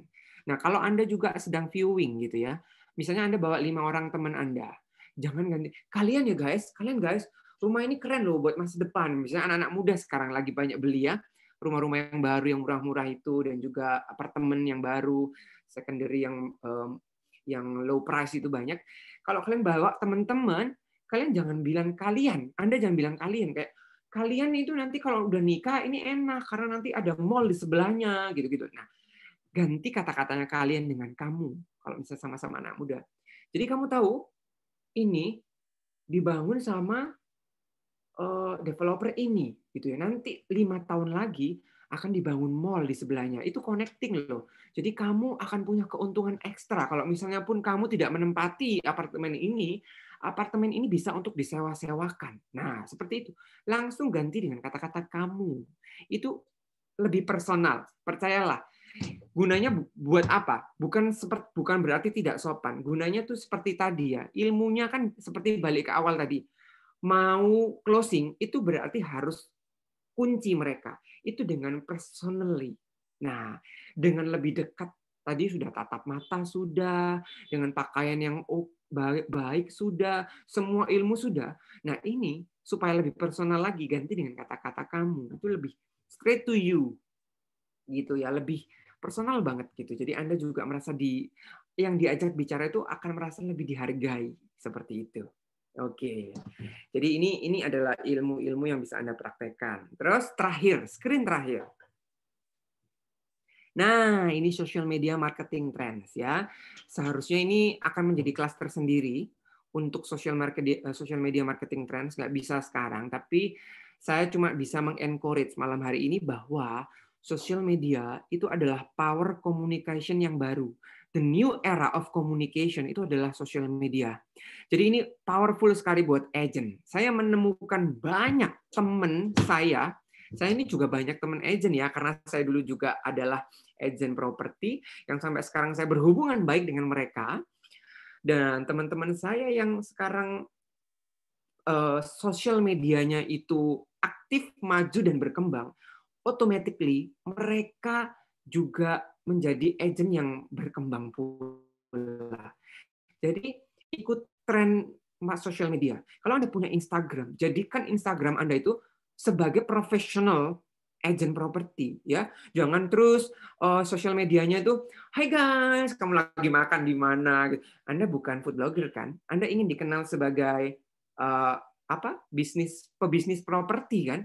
Jadi foto-foto Anda tuh dinilai dong sama klien Anda kalau lagi dikunjungin. Jadi berfotolah yang proper, foto-foto yang profesional, masukkan uh, office kalian, rumah yang di listing dengan proper, kegiatan-kegiatan kantor, sosial medianya tuh aktif sebagai apa Anda ingin dikenal. Gitu. Kalau Anda ingin dikenal sebagai profesional agent, ketika orang klik Instagram Anda halaman pertama, langsung mereka tahu, uh, agent properti nih, keren nih. Akhirnya membuat mereka scrolling down ke bawah. Jadi jangan sampai mereka menemui ketika Anda klik sosial medianya, foto-foto makanan, ada kue tiaw di situ di feed Anda, ada kan Anda bukan food blogger ya kan? Anda bu, eh, walaupun Anda ibu rumah tangga atau mungkin Anda memang chef atau cooking, tapi kalau memang Anda ingin dikenal sebagai uh, apa? yang profesional property agent, ya ketika orang mengenali Anda dari sosial media, dari situlah Anda dikenal. Seperti itu ya. Jadi trennya memang sudah ke arah sana, udah mulai Instagramnya, biasanya banyak banget teman-teman saya yang Instagramnya itu isinya listingan dan mereka itu bikin konten-konten yang kreatif sekali. Sampai rumah itu di video sendiri pakai handphone ya. Nggak harus pakai video yang bagus lah. Pakai handphone lalu belajar apps apps editing gitu dikasih lagu tunjukin kamarnya ditunjukin kamar mandinya. Itu keren banget di IG IGTV-nya gitu ya. Dan kalau memang mau lebih niat lagi ada teman-teman saya yang sampai bikin YouTube channel dan sekarang udah uh, subscribernya udah ratusan ribu. Gara-gara cuman ini kalau ada rumah dia rumah baru dia bikin uh, videonya gitu, dibikin lagu, dikasih lagu, lalu di syuting yang bagus, dikasih judul. Lama-lama dia tuh dikenal sebagai agent property dan YouTube-nya sekarang udah subscribernya udah banyak banget. Jadi bahkan uh, pemasukannya dia itu bukan cuma dari closingan-closingannya dia, tapi dari YouTube-nya dia tuh sudah menghasilkan uang juga ya. Ya, tapi dia tetap bilang ya dari sini akhirnya saya dikenal sebagai agent properti dan semua orang cari dia. Semua orang cari teman saya. Padahal dua tahun yang lalu dia bukan siapa-siapa. Beneran. Dia ingat saya masuk di agent properti dua tahun yang lalu dia masih baru kinyis-kinyis gitu rambutnya masih gondrong masih diikat ban di atas gitu sekarang kalau sini udah banyak banget gitu ya gara-gara sosial medianya dia aktifin banget jadi tren ini penting. Jadi how to be creative dan relevan sama konten online. Percayalah, umur tidak membatasi. Ingat ya, walaupun sudah lewat masa saya tidak punya sosial media. Nah, walaupun umurnya sudah nggak punya sosial media, belajar. Punyalah sosial media karena ini jembatan new era, era yang baru lewat sosial media marketing trends ini. Oke, okay. thank you guys. Ini adalah yang bisa saya bagikan di waktu yang singkat ini malam hari ini. Jadi semoga itu berguna buat Anda. Saya balikan lagi sama Pak Sam. Wah, keren. Terima kasih banyak, Vincent. Ya. Mungkin langsung saya buka untuk pertanyaan ya. Sudah saya buka chatnya. Bapak Ibu teman-teman bisa chat di kolom chat untuk mau tanya. Sambil nunggu saya nyoba tanya ya Pak Vincent ya. Oke, boleh boleh. Mungkin kan beberapa teman agent ini ada ada apa ya istilahnya introvert. Nah, gimana cara mengatasi keintrovertannya itu? Kan kadang mereka tuh beralaskan aku introvert, aku udah bisa gini, aku udah bisa ngomong gini gini. Mungkin ada tips-tips dari Pak Vincent. Iya, iya, iya, iya, iya. Saya paham sekali itu ya. Saya paham sekali karena uh, tiap orang itu ada jenisnya. Ada yang ekstrovert, nggak usah disuruh, udah cerita-cerita sendiri. Sosial medianya udah isinya curhatan. Uh, instastorynya udah banyak banget. Tapi ada yang introvert. Sosial media itu beban buat mereka, bener kan? Ketemu orang itu beban buat yang introvert. Apalagi mau ngomong di sosial media itu susah banget gitu ya. Nah, jadi seperti ini ya introvert dan extrovert itu adalah uh, bagian dari diri kita. Tapi yang saya pelajari, saya itu punya teman uh, dia itu adalah psikologi, psikolog ya. Psikolog uh, memang bagian seperti ini gitu ya. Jadi saya juga pernah sharing sama dia. Terus ini yang saya dapat dari dia dan yang saya pegang sampai sekarang. Introvert, extrovert, terus ada ada istilah ini ya. Kalian tahu ada istilah, Anda tahu istilah sanguin, ya. Yang kalau sanguin itu tipenya gampang kenal sama orang. Ada yang melankolis, yang melankolis itu yang biasanya gampang baperan gitu-gitu. Itu adalah bagian dari diri kita, tapi itu bukan Anda sepenuhnya. Itu bukan Anda 100%. Gitu ya, benar kan? Tidak ada orang yang 100% seperti itu. Jadi misalnya gini, Anda introvert, tidak mungkin Anda introvert 100%. Saya ini ekstrovert, tapi tidak mungkin saya ekstrovert 100%. Saya ini melankolis, tapi tidak mungkin melankolis 100%. Anda juga sama. Yang mungkin melankolis, Anda tidak akan mungkin melankolis 100%. Itu adalah part, bagian. Jadi jangan nilai Anda Jangan nilai Anda sendiri dari situ. Jadi kalau introvert, nggak bisa, aku introvert. Kalau Anda menilai seperti itu, berarti Anda menganggap Anda 100% introvert. Dan menurut psikolog, psikolog tidak ada manusia yang 100% introvert. ya Itu adalah excuse yang dibuat sama para introvert mengatakan bahwa aku 100% introvert. Karena manusia diciptakan Tuhan itu selalu ada uh, pembanding. ya Makanya kadang-kadang ada yang bilangnya gini, kalau orang-orang entertainment bilang gini, ada sisi sebaik apa pun orang kadang-kadang ada sisi evilnya gitu kan ya, ada sisi yang tidak tidak pernah kita kenali. Nah, itu itu yang sama. Jadi kalaupun Anda introvert, percayalah dari diri Anda itu Anda punya kok sisi yang lain dari diri Anda. Anda punya sisi ekstrovert dari diri Anda itu Anda punya. Anda tinggal mengeluarkannya dan bagi saya kalau misalnya profesionalis profesionalisme tidak ada excuse. Makanya tadi dari awal saya selalu ngomong balik-balik ya, tidak ada excuse. Nah, saya ini bekerja di industri entertainment dan education ya. Karena communication yang saya geluti ini adalah industri entertainment ya. Karena saya adalah MC saya MC Sweet Seventeen saya MC wedding saya MC di semua uh, event yang ada di Surabaya. Bahkan saya sudah keliling kota. Yang namanya profesionalisme tidak ada excuse dong ya. Jadi misalnya seperti ini. Saya sudah tua. Umur saya sebenarnya sudah 30 something ya tapi saya masih dapat dong event suit 17 kalau misalnya saya mau nurutin diri saya saya akan bilang gini aduh saya ini sudah bukan zamannya MC suit 17 bukan Nah, tapi saya profesional dong. Saya dibayar untuk MC Suit 17. Ya, saya akan mengeluarkan sisi lain dari dalam diri saya ketika saya sedang MC itu. Saya bisa dong MC Suit 17. Hai guys, apa kabar? Saya saya yang tadinya nggak punya TikTok, saya harus download TikTok demi mempelajari milenial zaman sekarang. Nah, karena saya tidak ada excuse, profesional. Yang saya nilai dari diri saya adalah profesional. Itu yang saya mau ajarkan buat Anda semua bahwa kita adalah agent profesional ya. Jadi tidak ada excuse anda introvert, mau Anda ekstrovert, mau Anda bukan tipe pemimpin, mau Anda memang tipe pemimpin, tidak ada excuse kalau memang kita mau belajar. Jadi tinggal Anda belajar profesional aja. Jadi misalnya gini ya, kalau agent, anda memang harus viewing, Anda memang harus ketemu orang, dan ya itu Anda mau tidak mau harus viewing kan? Siapa yang mau menggantikan Anda? Anda mau closing enggak? Itu pertanyaannya. Tidak ada yang mau menggantikan Anda. Anda sendiri yang harus maju.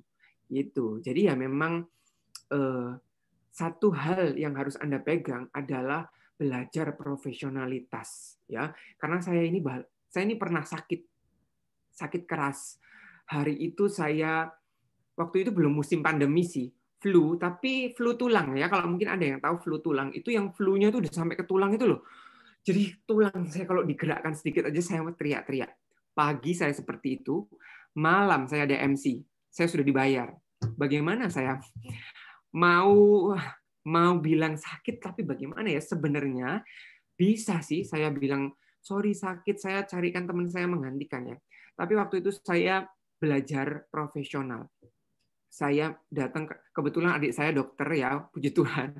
Jadi saya langsung minta sama adik saya dek tolong ya aku ini disuntik apalah pokoknya yang agak lumayan lah mengurangi. Adik saya bilang ini nggak bisa sembuh nggak bisa sembuh cepet tapi lumayan lah kamu mengurangi ya wis nggak apa-apa disuntik. Jadi saya sampai minta suntik waktu itu supaya mengurangi rasa nyerinya. Lalu saya ngemsi tetap ngemsi dengan hahaha saya gitu. Saya lupakan semua sakitnya. Mereka tidak mau tahu saya sedang sakit flu tulang atau apa. Taunya mereka mau bayar Vincent untuk membuat eventnya malam hari itu berjalan dengan lancar. Karena nggak ada Hmm. excuse di dalam profesionalisme. Percayalah dari situ anda akan jadi besar nah kalau memang anda mau dikenal sebagai agent yang besar belajarlah profesional ya. Sama atasan disuruh belajar ini ya saya akan belajar. Lakukan yang lebih. Sama eh, apa koordinator suruh lakukan ini ya saya akan belajar. Lakukan lebih. Ketika anda profesional itu yang akan membawa anda besar. Seperti itu. Sekarang zamannya sosial media. Nggak kepengen bikin sosial media bukan umurnya. Tapi anda tetap belajar profesional ya saya akan buat sosial media ya saya akan belajar Instagram saya akan belajar gimana caranya upload di Instagram, akan bikin Instagram yang bagus. Itu namanya profesional. No excuse dan percayalah, itu kunci jadi besar dan sukses. Seperti itu ya. Kira-kira itu, Pak. Ya, oke amin. Terima kasih Pak Vincent. Jadi kita harus belajar terus ya. Jadi nggak ada excuse buat kita, alasan apa pun, kita harus belajar terus. Mantul ya. Oke, ada Iya. pertanyaan ini Ya. dari Pak Ihsan. Saya ingin bertanya mengenai top personality. Ya. Kok mantul ya suaranya? Mungkin Pak Vincent bisa. Iya, enggak kok, Pak. Suaranya jelas, Pak Sam. Saya bacakan ya, Pak. Iya. Ini dari Pak. Ihsan. Oh, oh, dari Pak Ihsan. Saya ingin bertanya mengenai talk personally, communication personal ya. Kalau saya lihat di kondisi orang Jawa, biasanya ngomong personalnya pakai ganti, pakai ganti mas atau mbak atau bapak atau ibu. Kalau seperti itu bagaimana Pak Vincent? Wah, ini pertanyaannya bagus sekali Pak Ihsan. Nah, ini masuk dalam kategori eh, dalam ilmu komunikasi itu ada pelajaran mengenali audiens Anda. Mengenali siapa audiens Anda. Jadi itu penting ya. Jadi sebelum Anda ketemu audiens Anda, kalau bisa Anda tahu Anda ini ketemu dengan siapa, gitu ya. Mau viewing ketemu sama satu dua orang pun anda semakin Anda mengenali siapa yang Anda ajak temu hari itu, itu semakin rasanya Anda jadi menghargai dia. Jadi misalnya gini, kadangkala koneksi itu bisa terjalin gara-gara Anda tahu kesukaannya dia apa. Jadi misalnya, Pak, saya eh, lihat dari Instagram Bapak, Bapak itu suka ini ya Pak, jalan-jalan ke eh, apa? ke Jogja ya misalnya. Anda lihat di Instagramnya banyak ke Jogja atau suka jalan. Saya juga loh Pak, saya pernah ke Jogja, saya pernah makan ini. Bapak waktu itu makan. Dari situ kan jalin jalin komunikasi dong. Gara-gara Anda tahu dia sukanya apa. Gitu ya. Terus kalaupun Anda misalnya mengenali dia sebagai seorang ini, Pak, eh, Bapak ini ini ya ownernya printing ini ya. Gimana Pak? Saya dengar sekarang bisnis printing itu lagi naik ya Pak. Gara-gara pandemi semua orang online mereka bikin book semua, booklet semua. Nah, gara-gara Anda tahu dia siapa, Anda bisa menjalin komunikasi dari situ. Anda harus mengenali siapa audiens Anda. Nah, ini benar sekali sama Pak Pak Ihsan. Anda harus kenal. Kalau memang yang Anda ajak bicara saat itu adalah misalnya orang Jawa. Tiba-tiba terus kalau misalnya Anda terbiasa ngomongnya dengan dia, Mas Mbak, ya enggak apa-apa. Daripada ya, Anda terus tiba-tiba ketemu dia jadi orang yang berbeda. Terus tiba, ya Anda, ya kamu gitu kan nggak enak. Anda harus kenal sama dia. Dia biasanya dipanggil siapa? Dipanggil Pak kah, dipanggil Mas kah, atau kadang-kadang ada dipanggil Cici gitu kan. Ada yang orang yang senang dipanggil Cici, ada orang yang senang dipanggil Koko. Nah, jadi kenalilah siapa beliau. Kenalilah siapa yang Anda ajak bicara. Kalau memang dia suka dipanggil Cici, ya jangan dipanggil tante, ya kan? Kalau memang tante usianya gitu. Atau misalnya ada yang suka dipanggil ko daripada dipanggil mas, ya panggil aja ko. Ada yang suka dipanggil mas, ada yang suka dipanggil pak. Jadi semakin Anda mempelajari siapa yang Anda ajak bicara, itu terjalinnya akan makin erat. Seperti itu ya. Ini juga berlaku buat yang presentasi. Kalau yang presentasi gimana? Kan banyak audiensnya. Pelajari. Ini siapa? Agent-agent dari mana gitu ya. Jadi Anda bisa ajak ngomong dia. Malang apa kabar? Anda pelajari dong, agent-agent Malang kondisinya gimana? Lagi ada project apa di Malang? Jangan tiba-tiba pokoknya ketemu, yes, pokoknya ketemu nanti tanya-tanya dia suka apa, jangan kalau Anda punya senjata-senjata rahasia di belakang ini, uh, itu relasinya makin kuat tuh. Nah, itu biasanya tuh saya seperti ini. Biasanya saya punya program talk show di Instagram waktu pandemi ya. Jadi live gitu kan, live Instagram. Saya mau mengundang si A misalnya. Saya harus cari dong si A ini, misalnya si A itu adalah Kesia, penyanyi ini misalnya. Saya mau ajak dia ngobrol. Saya harus cari informasinya. Dia ini tinggalnya di mana, dia ini kelahiran mana, dia ini sukanya apa, lagu apa yang dia sukain. Dengan semakin saya kenal dia, saya lebih banyak bisa ngobrol sama dia. Semakin banyak kita bisa ngobrol sama dia, oh itu bisa ngunci loh. Dari ngunci itu bisa jadi closing loh. Bener kan? Kadang-kala closing itu terjadi gara-gara Anda bisa mengikat hubungan itu. Ya, jadi kuncinya tuh cuman ini mengelok mengelok klien Anda dengan ilmu-ilmu tadi. Salah satunya dengan ini kenali dia, siapa dia. Gitu, Pak uh, Ikhwan. Oke. Oke, pertanyaan selanjutnya ya. Dari Pak Judianto, Bung ya. Mau nanya untuk sosial media, apakah kita harus membuat sekolah lain untuk pekerjaan yang terpisah dengan Instagram pribadi? Ya. ya, dengan kabar buruknya saya katakan yes dan saya percaya Pak Samuel setuju. Jadi gini ya, eh, kalau memang Anda tidak ingin membuat Instagram yang lain, ya buatlah orang itu mengenali Instagram Anda sebagai seorang agent properti yang sukses. Saya hanya punya satu Instagram yang atas nama saya, bukan yang atas nama sekolah ya. Kalau sekolah kan Instagram saya Vin Center of Public Speaking. Tapi kalau Instagram pribadi saya cuma satu, Vincent Singhe. Dan setiap orang membuka, mereka langsung akan tahu bahwa saya adalah MC dan saya adalah vocal coach. Karena apa? Dari foto-foto saya semuanya MC, semuanya uh, endorse gitu-gitu. Nah, jadi kalau memang Anda ingin dikenal sebagai profesional, orang membuka Instagram Anda, orang akan langsung kenal siapa Anda. Gitu. Jadi memang kalau memang Anda tidak ingin menghapus Instagram Anda yang sekarang, ya buatlah yang baru yang lebih profesional. Atau diganti. Itu simple. Diganti dengan yang baru. Jadi misalnya foto-foto makanannya ya terpaksa say goodbye disimpan aja di file yang lain. Seperti itu ya. Supaya uh, tujuannya cuma satu. Tujuannya anda dikenal sebagai siapa.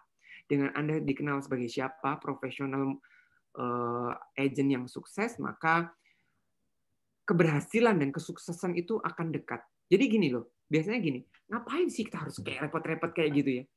Percayalah, saya ini banyak job MC gara-gara orang lihat Instagram saya.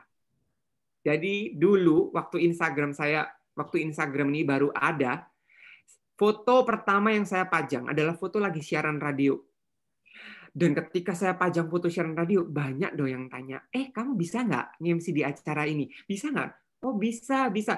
Foto MC berikutnya saya pajang lagi. Gara-gara saya pajang foto MC berikutnya, banyak lagi yang tanya, eh kamu bisa nggak MC di sini? Kamu bisa nggak MC di sini? Sampai dari bawah ke atas, sampai sekarang saya hidup dari job MC gara-gara setiap saya posting, saya memperkenalkan diri saya sebagai seorang presenter.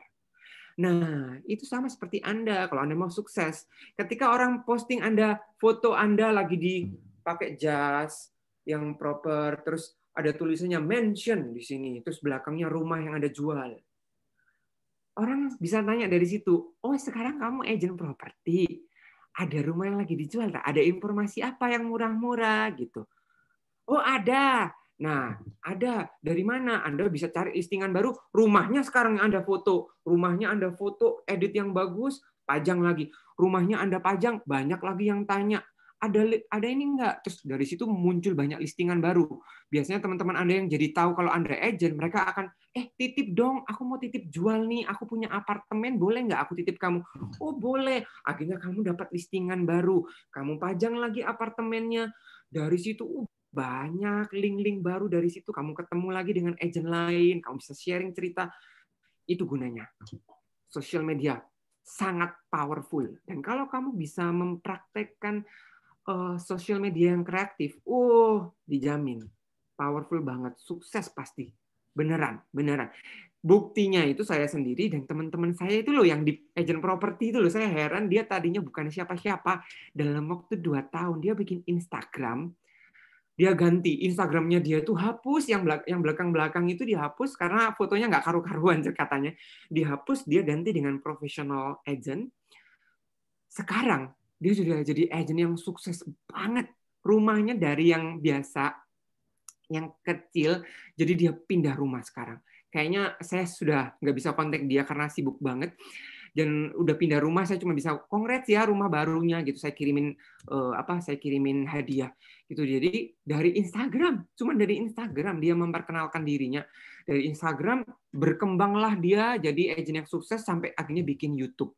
Hanya dalam waktu dua tahun gitu Pak penting banget tuh percayalah ya gitu ya Pak Yudi ya sudah terjawab Terus ada lagi dari Michelle. Michelle.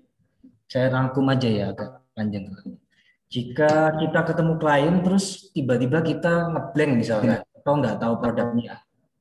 Nah, itu kan biasanya panik tuh. Ditanya apa, kita jawabnya apa. apa. Nah, mungkin ada tips-tips supaya bisa ngontrol keadaan kayak gitu. Jadi, uh, uh, jadi dia dikasih pertanyaan sama calon buyer ya, tapi kebetulan pas tidak mengerti apa jawabannya supaya tidak kelihatan panik atau malah jawabannya kacau. Nah, ya ya ya ya ya ya, ya pinter banget. Michelle, kayaknya udah udah sering panik ya. enggak, enggak, enggak. Jadi ya uh, gini, sebagai seorang agent, Anda itu juga adalah speaker. Jadi Anda itu adalah pembicara loh. Ya jadi jangan dibayangkan anda tuh agent ah aku ini cuma agent ecek-ecek itu enggak. Agent itu adalah pembicara speaker anda itu adalah speaker, hanya skalanya aja yang tinggal Anda tentukan. Kalau sedang viewing ketemu sama satu orang, berarti Anda speaker di depan satu orang. Kalau Anda sedang presentasi di depan ratusan orang, berarti Anda speaker di depan ratusan orang. Yang dibahas kan sama, rumah kan, kita lagi bahas rumah kan. Nah, sebagai seorang speaker, Anda nggak bisa kosong. Jadi sebelum Anda ketemu dengan klien, sebelum Anda maju di depan ruangan untuk presentasi atau bahas PK atau Anda mau viewing segala macam, jangan pernah turun lapangan, jangan pernah ketemu dengan klien kalau Anda masih kosong atau half atau separuh. Jangan, saya sarankan jangan. Percayalah, anggapnya seperti ini loh. Kalau semakin Anda profesional, kalaupun Anda viewing ketemu sama orang, itu anggaplah Anda sedang presentasi. Jadi kalau presentasi seperti apa? Ya Anda berpakaian siap, materi Anda 100% ngelen udah di depan udah di kepala, ngelontok ya, bahasa Jawanya udah ngelentek di kepala. Karena apa? Sekarang seperti malam ini nih, saya mau presentasi di depan Anda kan. Saya udah siapin dong materinya. Saya udah siapin materi dengan matang, Nah, ini sekarang saya kasih tips supaya tidak blank. Ada tipsnya supaya tidak blank. Jadi gini, ini tips dari saya pribadi, dari pengalaman-pengalaman saya sebagai seorang MC dan juga speaker. Percayalah, MC itu juga bisa grogi. MC itu juga bisa blank karena di depan banyak orang ya kan. Di depan banyak orang tiba-tiba dapat event yang tiba-tiba bisa ganti schedule saat itu juga. Nah, caranya supaya nggak blank gini sebelum hari H di depan kaca, Anda belajarlah. Beneran, kalau emang mau jadi speaker yang bagus tuh kayak gini loh. Memang agak-agak kayak orang-orang nggak beres gitu ya. Tapi kalau percayalah, kalau Anda belajar, agent itu speaker. Agent itu adalah speaker. Speaker itu kan memberikan informasi kan, gitu loh. Jadi malam itu belajarlah di depan kaca. Jadi materinya Anda pelajari semua, udah masukkan di pikiran, Anda ngomong dulu nih oh rumahnya ini sekian, ada berapa kamar. Terus menghadap ke mana ya? Eh, menghadap ke mana ya? Aku belum tahu. Nah, malam bisa tanya dong sama koordinatornya. Eh, aku lupa rumahnya ini siapa. Nah, jadi kan Anda tidak pernah ada celah kosong untuk Anda bisa blank. Jadi kalau malam Anda sudah mempersiapkan, maka besok paginya Anda semakin kecil kemungkinan untuk blank atau bahkan tidak akan blank sama sekali. Karena malam itu Anda sudah siapkan semua. Jadi Anda ngomong di depan kaca sama seperti Anda ngomong esok harinya. Jadi ini ya, lucunya saya kalau MC, saya kalau MC misalnya besok Sabtu saya MC, malam ini saya di depan kaca, saya ngomong sendiri nih. Good evening, ladies and gentlemen. There is nothing more beautiful on earth than watching two souls become one. And today on hari apa ya? Oh minggu. On Sunday, on 25. Nah, jadi kan saya udah mikir dulu kan malam itu. Jadi besok saya naik panggung, saya nggak ada mikir lagi. Karena malam saya sudah omongkan semua. Jadi memang harus diomongkan ya. Diperkatakan. Ingat telinga kita itu punya power. Kita harus mendengar sendiri. Kita harus mendengar suara kita sendiri, masuk di otak, itu tersimpan memorinya dari suara kita sendiri. Jadi malam harus ngomong di depan kaca, semua informasi yang akan dikasih tahu ke klien, itu tipsnya supaya tidak blank dan supaya tidak grogi. Tips pertama. Tips kedua, siapkan notes. Siapkan notes di handphone ya. Notes-nya dalam bentuk poin-poin. Misalnya kalian eh, Anda tahu nih mau ngomong apa, dicatat aja poinnya. Jadi mau poin pertama informasi tentang rumah, poin kedua informasi tentang developer, Poin ketiga apa? Tulis poin-poinnya. Sesekali nyontek handphone boleh kok. Toh klien Anda juga tahu bahwa oh apa agent ini prepare sekali, dicatat semua di notes gitu. Kan prepare yang baik gitu ya. Sem, uh, buat saya preparing is a god. Persiapan itu adalah Tuhan, bukan maksudnya bukan Tuhan, Tuhan huruf besar, Tuhan huruf kecil. Jadi itu yang akan menentukan nasib Anda hari itu, gitu loh preparation, persiapan. Jadi tips pertama tadi diperkatakan malam harinya latihan di depan kaca. Tips kedua dibuat notes gitu. Nah, tips ketiga kalau emang udah bener-bener blank, artinya anda bener-bener nggak tahu, memang informasinya belum anda dapat nih, atau anda bener-bener lupa, boleh dijawab. Sebentar Pak, nanti saya akan susulkan informasinya. Ya, jadi ganti kata-katanya kata-kata tidak tahu itu kan negatif ya. Ganti kata-kata dengan positif. Nah, kalau misalnya kata-kata tidak tahu, kata-kata positifnya seperti ini. Saya akan susulkan. Nah, sebenarnya Anda nggak tahu kan, tapi kan Anda kelihatan pinter. Nanti saya akan susulkan informasinya. Malam ini saya kasih kabar.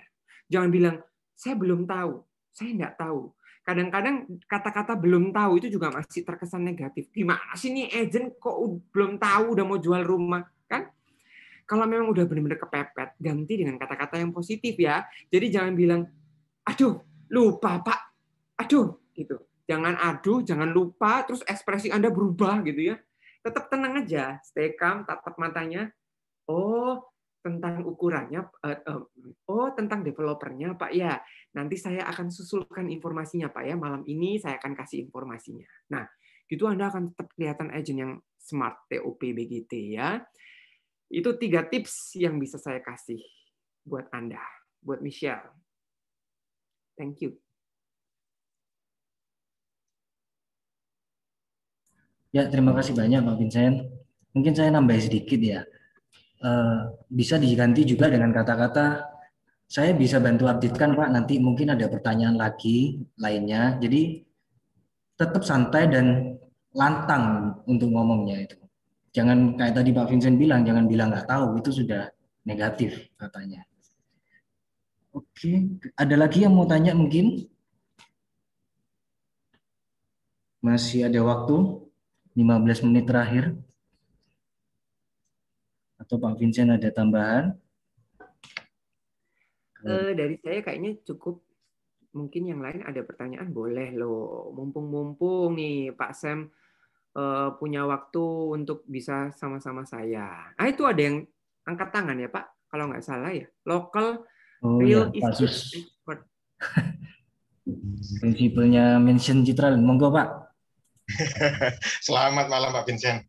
Selamat malam Pak Sus, ya. kita pernah ketemu ya tahun lalu iya, ya. Iya, di atas panggung. uh, Pak Vincent, ini saya mau tanya, uh, mungkin sifatnya general ya, sifatnya general. Jadi sering kali itu uh, para agent mungkin nggak semua sih, tapi ada beberapa yang uh, pada saat mereka kita kasih tugas untuk maju presentasi atau mereka maju untuk menjelaskan sesuatu gitu kan. Itu selalu pertama kali yang mereka sampaikan adalah nggak berani. Nggak bisa itu kan. Nah gimana cara mengatasi itu? Karena semestinya kan dari sisi mereka mungkin knowledge mungkin dari sisi persiapan mereka sebenarnya sudah sudah on the top gitu semestinya gitu cuma begitu mereka dalam bayangan mereka mereka harus berhadapan dengan lima orang, sepuluh orang, itu langsung ciut nyalinya gitu. Nah, tipsnya gimana, Pak Vincent? Terima kasih, Pak. Ya, tipsnya didorong, Pak, dijorokin langsung. Soalnya biasanya gini ya, kalau orang udah kepepet itu udah pasti keluar semua kemampuannya ya. Karena manusia ini dikasih Tuhan tuh kemampuan untuk bertahan, mem bertahan, mempertahankan diri gitu ya. Tapi ada ya itu itu bercandaannya ya Pak. Tapi uh, ya memang banyak ya. Saya juga di kantor properti beberapa tahun yang lalu banyak loh orang-orang yang juga sama. Kalau urusan cari listing dia berani ya karena nggak ketemu sama orang kan dia rajin banget lah. Dari pagi dia udah datang kantor langsung siangnya udah keliling aja cari listing, malam udah balik bawa kabar listingan. Uh, kok keren banget sih ini orang listingannya banyak banget. Tapi giliran ketemu orang dia gagap atau disuruh uh, jelasin sama calon kliennya dia minta tolong, tolong po oh, jelasin ini po oh, gitu ya. Akhirnya nggak mau dan nggak bisa. Nah, ilmu komunikasi itu bisa dipelajari ya teman-teman ya. Jadi uh, cara belajarnya yaitu dengan mempraktekkan. Jadi tipsnya seperti ini ya, Pak Sus, Pak Sus. Jadi sebelum uh, agent Anda atau anak-anak yang baru-baru misalnya Anda didik untuk menjadi agent yang besar dan sukses, dikasih modul latihan kali ya, dikasih momen latihan. Jadi gampangannya gini, suruh aja uh, presentasi atau jelasin ya, nggak usah presentasi deh, jelasin di meja duduk bareng sama temennya yang sama-sama masih baru atau sama teman kantor. Ayo guys, daripada siang nganggur, mainan handphone ya kan di kantor, ngumpulin, kumpul-kumpul sama agent daripada gosip dan ngomongin banjir Jakarta misalnya. Ya udah, kalian latihan sendiri. Eh guys, yuk kita latihan ngomong tentang project rungkut mapan misalnya. Ada project baru rungkut mapan, latihan aja sama teman sebelah mejanya itu. Latihan bercandaan juga nggak apa-apa. Semasa latihan itu salah it's okay gitu ya. Jadi kayak misalnya kalau udah latihan kan dia aduh aku izin loh aku izin loh. Nah di situ saatnya lead agent beraksi untuk memberikan dukungan dan support. Ayo kamu pasti bisa. Caranya gini diajarin lagi diberikan lagi informasinya. Jadi karena ilmu komunikasi itu seperti tadi saya bilang ya nggak bisa langsung jadi. Percayalah tidak ada orang yang bisa langsung memberikan informasi tanpa latihan. Jadi saya percaya pun eh, bahkan prinsip-prinsip yang udah besar ini mereka pasti udah sebelum ngomong tentang materinya mereka pun udah matang banget ngomongin materinya mereka sendiri untuk PK dan segala macamnya kayak gitu. Jadi eh, ilmu komunikasi adalah ilmu yang bisa dipelajari. Jadi memang harus dipelajari sebelum sama seperti yang saya bilang ya, bahkan sebelum ketemu orang kalau bisa malamnya kalian belajar di depan kaca. Jadi itu uh, adalah gini ya. Jadi ilmu komunikasi itu bukan sekedar cocok doang. Jadi saya tuh sering kali merasa agak marah kalau dibilang, "Ah, kamu MC ngapain dibayar mahal kayak gitu, orang cuma modal cocok doang." Terus saya selalu ngomong gini, "Coba cue card-nya ini aku kasih kamu, bisa nggak kamu uh, apa jalanin ini acara?" pasti bingung kan harus ngomong apa kan. Nah, sama seperti itu. Jadi saya sehebat saya uh, sehebat apa pun saya MC, sudah berapa lama pun saya MC sampai malam ini. Saya tetap latihan di depan kaca sebelum besoknya saya naik panggung. Karena setiap kali wedding selalu berbeda. Setiap kali event selalu ada yang beda. Paling nggak nama. Nama mempelai kan nggak mungkin sama. Malamnya saya harus tahu dong mempelai besok namanya siapa gitu jangan sampai saya salah ngomong uh, siapa Bobby dan Desi padahal Desi nama mantannya nah kan serem ya kan jadi itu jadi saya semuanya harus dipelajari komunikasi itu bisa dipelajari. Oke. Jadi buat agent-agent nih yang masih belum mau Pak, tidak mau Pak, belajar sama teman kantornya, pasti bisa ya. Oke. Sudah terjawab Pak Sus? Oh, Pak Sus kok stuck gitu? Sinyalnya kali. Oke, jadi saya nambahin dikit ya. Tadi tentang pikiran klien terbuka, first impression-nya kita waktu ketemu klien. Itu yang pertama juga kita harus senyum waktu ketemu. Jangan ketemu tuh merengut-merengut, terus capek. Meskipun capek, habis motoran apalagi ya. Ya di, dibersihkan, dipakai tisu apa, terus senyum. Meskipun berat kadang, ya paksa senyum. Nanti akan terbiasa. Nah, sama dengan ini, tambahan lagi kata pertama. Kadang kan kita bingung nih, waktu jaga pameran bingung mau ngomong apa. Waktu kata pertama yang kita lontarkan itu apa. Makanya saya sering eh, kasih training untuk empat poin properti. Supaya kita nggak bingung harus ngomong apa di awal itu. Yang pertama lokasi dan harga. Itu cuman sekelibat atau cuma berapa tiga lima detik selanjutnya itu klien akan respon.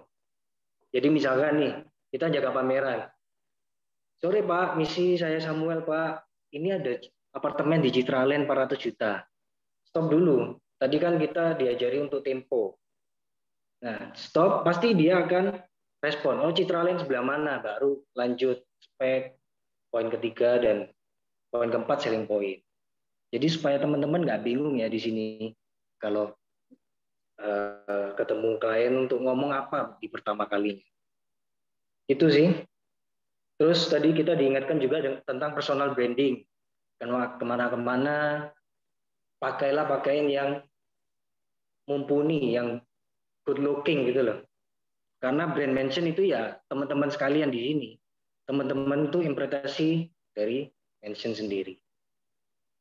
Oke, mungkin ada yang satu pertanyaan terakhir mungkin. Ya Pak Vincent ya, bisa ya? Boleh, boleh Pak.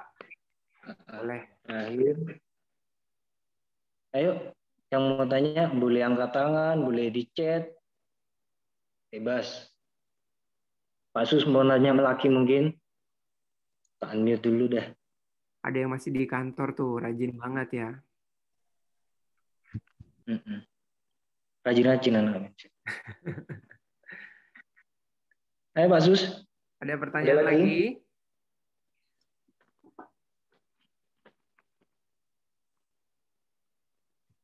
Oke, kalau ada Gak ada ya? Oh ini Pak Sus ini. Sudah jelas. Terima kasih. Sudah, unmute. Mantap. Terakhir Pak, terakhir Pak Vincent. Oh iya Pak Sus. ini ini anu sih Pak, uh, penyakit saya sendiri Pak. Oke. Okay. Jadi ini saya ini termasuk termasuk uh, orang yang sedikit gagap kalau bicara di depan banyak orang. Jadi mungkin untuk satu menit pertama itu pasti muncul gagapnya. Gitu. Oh ya Pak? Iya. Saya menyadari diri saya seperti itu Pak. nah tapi setelah satu menit itu biasanya sudah lancar gitu kan. Nah, untuk start awal ini yang dalam waktu sampai satu menit ini untuk mengatasi gagap itu bagaimana Pak? Menurut Bapak uh, gagapnya karena apa Pak? Antara grogi atau mungkin masih mengumpulkan nyawa Pak? Rasanya kedua Pak. Masih mengumpulkan nyawa ya. Kalau grogi sih biasanya pasti grogi Pak, karena biasanya sebelum saya sebelum naik ke panggung atau maju ke depan tuh biasanya pasti di awal pasti ada ruginya pasti itu. Iya. Itu uh, menurut saya masih bisa diatasi. Tapi apakah itu memang berpengaruh di gagapnya? Ya, Pak, Pak pertanyaannya bagus sekali. Uh, jadi jawabannya itu ini. First sentence is the key. Kalimat pertama itu kuncinya. Jadi jangan sampai seperti ini juga berlaku buat Anda para agent ya, bukan cuma Pak Sus aja Kalimat pertama menjadi kunci selanjutnya presentasi ataupun viewing Anda. Jadi kalian Anda harus tahu dong kata kalimat apa atau paragraf pertama apa yang akan kalian lontarkan kepada klien saat itu. Nah, jadi jangan langsung ini ya. Uh, kalau bahasa peribahasa, bukan peribahasa, orang Indonesia selalu bilang gini, jangan uh, mikirnya di belakang, keluar dulu. Tapi mikir dulu, baru keluarkan lewat mulut, gitu ya. Jadi tidak apa-apa untuk terlihat diam. Lebih baik daripada terlihat gagap ya Pak Sus. Nah, kalau dalam dalam konteksnya Pak Sus kan gopoh pertama-tama. Nah, gagapnya karena gopoh. Jadi lebih baik daripada terlihat gagap, bukankah lebih baik kalau terlihat diam? Karena, karena diam itu tidak berarti apa-apa. Tapi kalau gagap, orang akan menilai itu grogi. Gitu, Pak. Jadi sebelum Pak Sus melontarkan kalimat pertama, sebaiknya Pak Sus tahu dulu kalimat pertamanya apa. Mungkin Pak Sus ini kan uh, pintar banget gitu ya. Jadi di otak ini banyak banget ya Pak ya uh, semuanya ada di otak, tapi mau dikeluarkan yang mana dulu. Nah, itu mungkin yang jadi membuat Pak Pak Sus itu gagap. Nah, jadi Pak kumpulkan dulu materinya, terus kira-kira dirang, dirangkai sepersekian detik gitu ya. Kira-kira apa yang mau diucapkan? Apakah uh, informasinya dulu atau tujuannya dulu, misalnya gitu. Jadi setelah Bapak menentukan, baru Bapak sentence pertama itu keluar. Nah, Soalnya Bapak kan bilang semakin ke belakang semakin tidak apa-apa, hanya di depan. Berarti memang masalahnya adalah merangkum apa yang ada di otak. Di otak ini udah jalan, belum selesai tiba-tiba kita udah ngomong. Nah, itu. Jadi lebih baik selesaikan dulu di otak baru kita ngomong ya. Jangan ngomong dulu baru diselesaikan di otak ini ya buat teman-teman ya. Gitu. Terima kasih. Terima kasih Pak Ya. Oh, ini juga berlaku buat yang lagi presentasi ya. Jadi jangan takut untuk memberikan jeda atau diam karena dalam ilmu komunikasi ada yang namanya space, spacing ya. Space itu kalau misalnya di laptop itu space jarak gitu loh. Jadi kita boleh terdiam sejenak untuk membuat diri kita merangkum kembali apa yang akan kita kata-katakan dan bagi mereka itu akan terlihat, lebih baik daripada Anda ter, terkesan buru-buru tapi tidak jelas lebih baik Anda ada jedanya. Tapi bukan gini loh. Kadang-kadang kalau kita ngomong kan sering ada kata-kata gini ya. Eh, jadi kita akan eh, nah, mikirnya itu pakai eh, itu jangan. Karena eh, itu buat apa? Lebih baik kalian diem. Misalnya gini, saya contohkan. Ini agent yang terlihat kurang menyenangkan dan kurang baik karena dia terlihat gagapnya dan ada e-nya. Eh, jadi ini rumahnya itu sudah dalam eh, tahap tahap pembangunan. Tapi kayaknya jadinya bakalan dua tahun lagi. Nah, luas tanahnya eh, 200 eh, berapa ya? Nah, ada E-nya. Tapi kalau pun Anda grogi, Anda lebih baik ada jedanya. Jadi misalnya kata-kata E-nya diganti dengan jeda. Jadi rumah ini dalam tahap pembangunan. Luas tanahnya 250 dan luas bangunannya. Nah, itu kan tidak terlihat grogi. Kamu hanya terlihat memberikan informasi yang jelas dan akurat. Dan itu seperti seolah-olah buat yang diajak bicara juga memberikan kesempatan buat dia merespon di otaknya. Daripada dia mendengarkan eh eh lama-lama kayak apa sih ini orang gitu ya. Jadi e-nya dihapus diganti dengan diam. Itu jauh lebih baik daripada banyak eh eh gitu. Oke, jelas Pak Sus ya? Jelas sekali. Oke, okay, thank you. Itu kadang juga diem juga kita bisa dapat get attentionnya penonton malah. Iya. Dengan diem. Betul. Ya. Setuju. Malah kadang-kadang kalau diem tuh kelihatan keren kita. malah kayak biarkan mereka diem dulu baru kita ngomong. Padahal kita mikir ya. Oh, oh, betul, betul. Jadinya malah mereka malah tenang gitu kan, malah tenang dan jadi fokus. Yang tadinya bicara sendiri, jadi malah tenang fokus lagi gitu. Terus nambah dikit, tadi seperti dicontohkan Pak Vincent tadi, misalkan contoh yang salah tadi Pak Vincent kasih, uh, kita jelaskan nih sama klien, kita sudah gepu-gepu pakai kata-kata yang membangun, tapi kadang kita itu sering mengucapkan kata-kata yang mengcounter kata-kata kita sendiri. Contohnya, uh, uh, ini uh, ini lagi. Pak, ini rumahnya bagus, 2M misalkan. Harganya cicilan 4 juta, Pak. Murah, Pak. Tapi kayaknya pembangunan nanti masih dua tahun lagi. Lah itu kan mengcounter sendiri. Kayaknya masih dua tahun lagi. Nah, kata-kata kayaknya itu mending kita ganti nanti jadinya dua tahun lagi, Pak. Langsung counter lagi dengan kata-kata yang tapi Bapak bisa cicil 4, 4 juta per bulan. Seperti itulah. Betul. Betul sekali, Pak Sam. Jadi harus dihapus dari kamus kita para marketing kata-kata mungkin, kayaknya, sepertinya. Nah, itu harus dihapus ya. Karena klien kita butuh kepastian. Kalau kita katakan mungkin, sepertinya, kayaknya, mereka nggak jadi beli deh pasti. Ya, jangan mengcounter kata-kata kita sendiri sudah mengencourage klien, malah kita nyiutkan niatnya klien sendiri malah. Hmm, gitu ya. Betul. Bonus Pak Vincent satu lagi ya. Ya. Overtime. Nggak apa-apa. Dari Jesse Siang. Mau nanya, jika masih bisa. Kalau untuk penjual yang lebih muda, bagaimana cara untuk lebih percaya diri menghadapi orang yang lebih tua? Hmm, bagus. Pertanyaannya bagus sekali.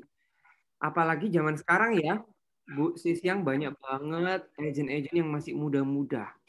Termasuk adik sepupu saya juga agent padahal masih kuliah. Tapi justru banyak sekali agent yang masih kuliah udah bisa cari duit sendiri dari properti. Nah, bagaimana rumusnya agent yang muda kalau menghadapi orang yang lebih tua? Nah, ini ini penting sekali ya. Saya itu uh, sering kali berhadapan dengan situasi seperti ini. Jadi saya ini anggapannya masih muda lah ya. Sedangkan klien-klien saya kalau misalnya wedding, klien itu berhadapan dengan papa mamanya misalnya. Yang yang yang ngomongin sama saya papa mamanya atau uh, kakek neneknya gitu ya, bukan langsung mempelainya. Nah, itu penting. Ini yang harus kalian catat ya. Jangan uh, kamu jangan meremehkan kalau kamu masih muda. Ya, justru biasanya orang-orang yang tua itu akan belajar dari yang muda-muda. Jadi jangan remehkan kalau kamu itu muda. Jangan kamu menganggap remeh karena engkau muda. Nah, seperti itu. Itu uh, itu sebenarnya kalau dari agama saya itu ada di kitab suci ya. Ada, ada ayatnya yang mengatakan bahwa jangan orang lain sampai menganggap engkau remeh karena engkau muda. Nah, itu juga saya pegang. Itu bisa diterapkan dalam industri profesional. Jangan sampai orang itu meremehkan kita karena kita masih muda. Caranya seperti apa? Walaupun kita muda, tunjukkan bahwa kita itu anak muda yang berkualitas. Tunjukkan bahwa kita itu anak muda yang berprestasi. Itulah mengapa tadi cara pakaian begitu penting. Karena ketika kita berhadapan dengan orang tua, terus kita pakai jeans belel, sobek-sobek, baju yang banyak gambarnya itu, terus uh, sepatunya juga not uh, sepatu sandal misalnya. Itu men, itu menunjukkan bahwa kamu anak muda yang bisa diremehkan. Nah, itulah kenapa tadi tunjukkan bahwa kamu adalah anak muda yang berkualitas. Dari kamu ketemu dia, kamu udah pakai kemeja lengan panjang begini, kamu pakai arloji, kamu pakai biasanya orang tua tuh kalau misalnya yang cowok-cowok itu sering memperhatikan arloji kita. Nggak tahu kenapa. itu sering banget. Terus eh, kita celananya bagus, sepatu eh sepatu ingat bahkan sampai sepatu jangan sampai ya kalian Anda ketemu klien dengan sepatu kotor. Karena kadangkala ada klien itu bisa menilai bahkan dari sepatu Anda. Pernah tahu ini enggak? Orang itu dilihat dari kamar mandinya rumah itu. Kalau kamar mandinya jorok pasti orang itu Nah, ini sama. Orang itu kadang dilihat dari sepatunya. Kalau sepatunya jorok, udah pasti jorok orang itu. Udah pasti berantakan hari-harinya. Tapi kalau sepatunya clean, udah pasti dia uh, tertata hidupnya gitu ya. Jadi udah tampil seperti itu, terus dia tadi punya cara-cara yang baik ya, berdirinya nggak selengean, bicaranya dengan intonasi yang pelan gitu ya. Kebanyakan kalau anak muda kan ngomong gue gue lo lo kan selengean kan. Nah, tapi kalau kita walaupun muda tapi kita profesional, kita akan berbicara dengan bahasa yang baik dan benar. Jadi Saya nggak pernah tuh kalau ketemu orang yang lebih tua, bicaranya selengean, tetap saya gunakan bahasa Indonesia yang baik dan benar. Ya kan, dengan intonasi yang baik, artikulasi jelas, lalu temponya pelan. Orang tua kan butuh proses untuk mikir. Temponya jangan cepet-cepet, pelan gitu ya. Seperti yang tadi, ilmu-ilmu itu semua diterapkan. Percayalah, orang tua itu akan mikir gini, keren sekali anak muda ini. Nah, harus kamu sampai pada titik itu dong. Baru kamu berhasil. Sampai ada orang tua itu bilang, keren nih anak muda ini. Udah masih muda, udah bisa golek duit sendiri. Keren loh kamu nyoh. Nah, biasanya ada gitu nggak sih? Ada nggak? Banyak pasti agent-agent masih muda dapat feedback seperti itu dari kliennya. It's good ya. Sampai kliennya sendiri yang bilang, kamu cek keren yo, cek enom tapi wis pinter golek duit gini. Nah, itu. Itu ya. Karena orang tua itu percayalah, orang yang lebih tua, mereka juga akan melihat kok dari kita apa sih yang bisa didapatkan dari anak muda ini. Gitu. Toh buktinya sampai ada conclusion bahwa oh, kamu lonyo muda-muda tapi keren. Nah, itu berarti kamu berhasil membuat hubungan yang baik antara jarak umur itu tadi ya. Gitu, Ci uh, Ibu Ji Siang. Jesi Siang. Maaf kalau salah kata namanya. Ya, thank you Pak Vincent. Sambil nambahin lagi dikit, uh, makanya itu kita kalau kita masih muda, kita belajar lebih banyak lagi supaya kita juga lebih profesional dan lebih nututi istilahnya sama yang lebih senior. Betul. Selain itu kita juga bawa aura yang positif. Caranya gimana ya? Senyum tadi, jujur, apalagi kalau nggak tahu bilang nggak tahu yang senior itu kadang kasih pertanyaan mancing untuk kita tahu kita itu jujur atau enggak. Nah, saat misalkan contoh gampang ini banjir atau enggak. Kalau saya nggak tahu, saya bilang nggak tahu. Caranya gitu, oh nanti saya update ke owner ya bu, karena saya nggak tinggal di sini. Nanti saya sampaikan ke ibu. Itu lebih senang daripada oh enggak bu. Padahal yang beli itu tinggal di gang sebelah. Lebih tahu lokasinya daripada kita ya bunuh diri. Hmm. Akhirnya sia-sia. Iklan kita sia-sia, viewing kita sia-sia, gara-gara satu kata itu nggak banjir. Hmm. Gitu. Oke, supaya nggak lama-lama. Terima kasih banyak Pak Vincent sudah meluangkan waktunya sampai dua jam lebih nih, dikasih lebih sama Pak Vincent. Terima kasih untuk teman-teman mention yang selalu ini ya, selalu bersama saya ya. Tahun lalu sama saya, tahun ini sama saya lagi. Makasih Pak Sem, Pak Sus. Ya, terima kasih banyak. Oke, boleh boleh anu ya, foto dulu ya mungkin ya. Boleh. Ayo dibuka semua. Gimana ya caranya? Bentar ya. Screenshot ya. Atau saya foto aja ya. Screenshot ya. makan waktu. Kadang Ayo. Ayo dibuka. Tadi sudah sampai 60. Terus ada yang izin karena signal dan lain-lain. Terima kasih yang sudah datang. Saya foto ya. Monggo yang mau dibuka. Kapan lagi foto sama artis Surabaya? saya bukan artis, Pak. Saya hanyalah uh, eh, MC. Bagi yang mau pakai apa? Mau ikut anaknya di sekolahnya Pak Vincent bisa ya. Boleh. Ada di Instagramnya ya Pak. Ya, Instagramnya Vin Center of Public Speaking. Ya. Untuk Instagramnya Pak Vincent gimana? Vincent Q I N G H E. Oke, itu ya. Ayo satu, bentar ketutupan chat nih.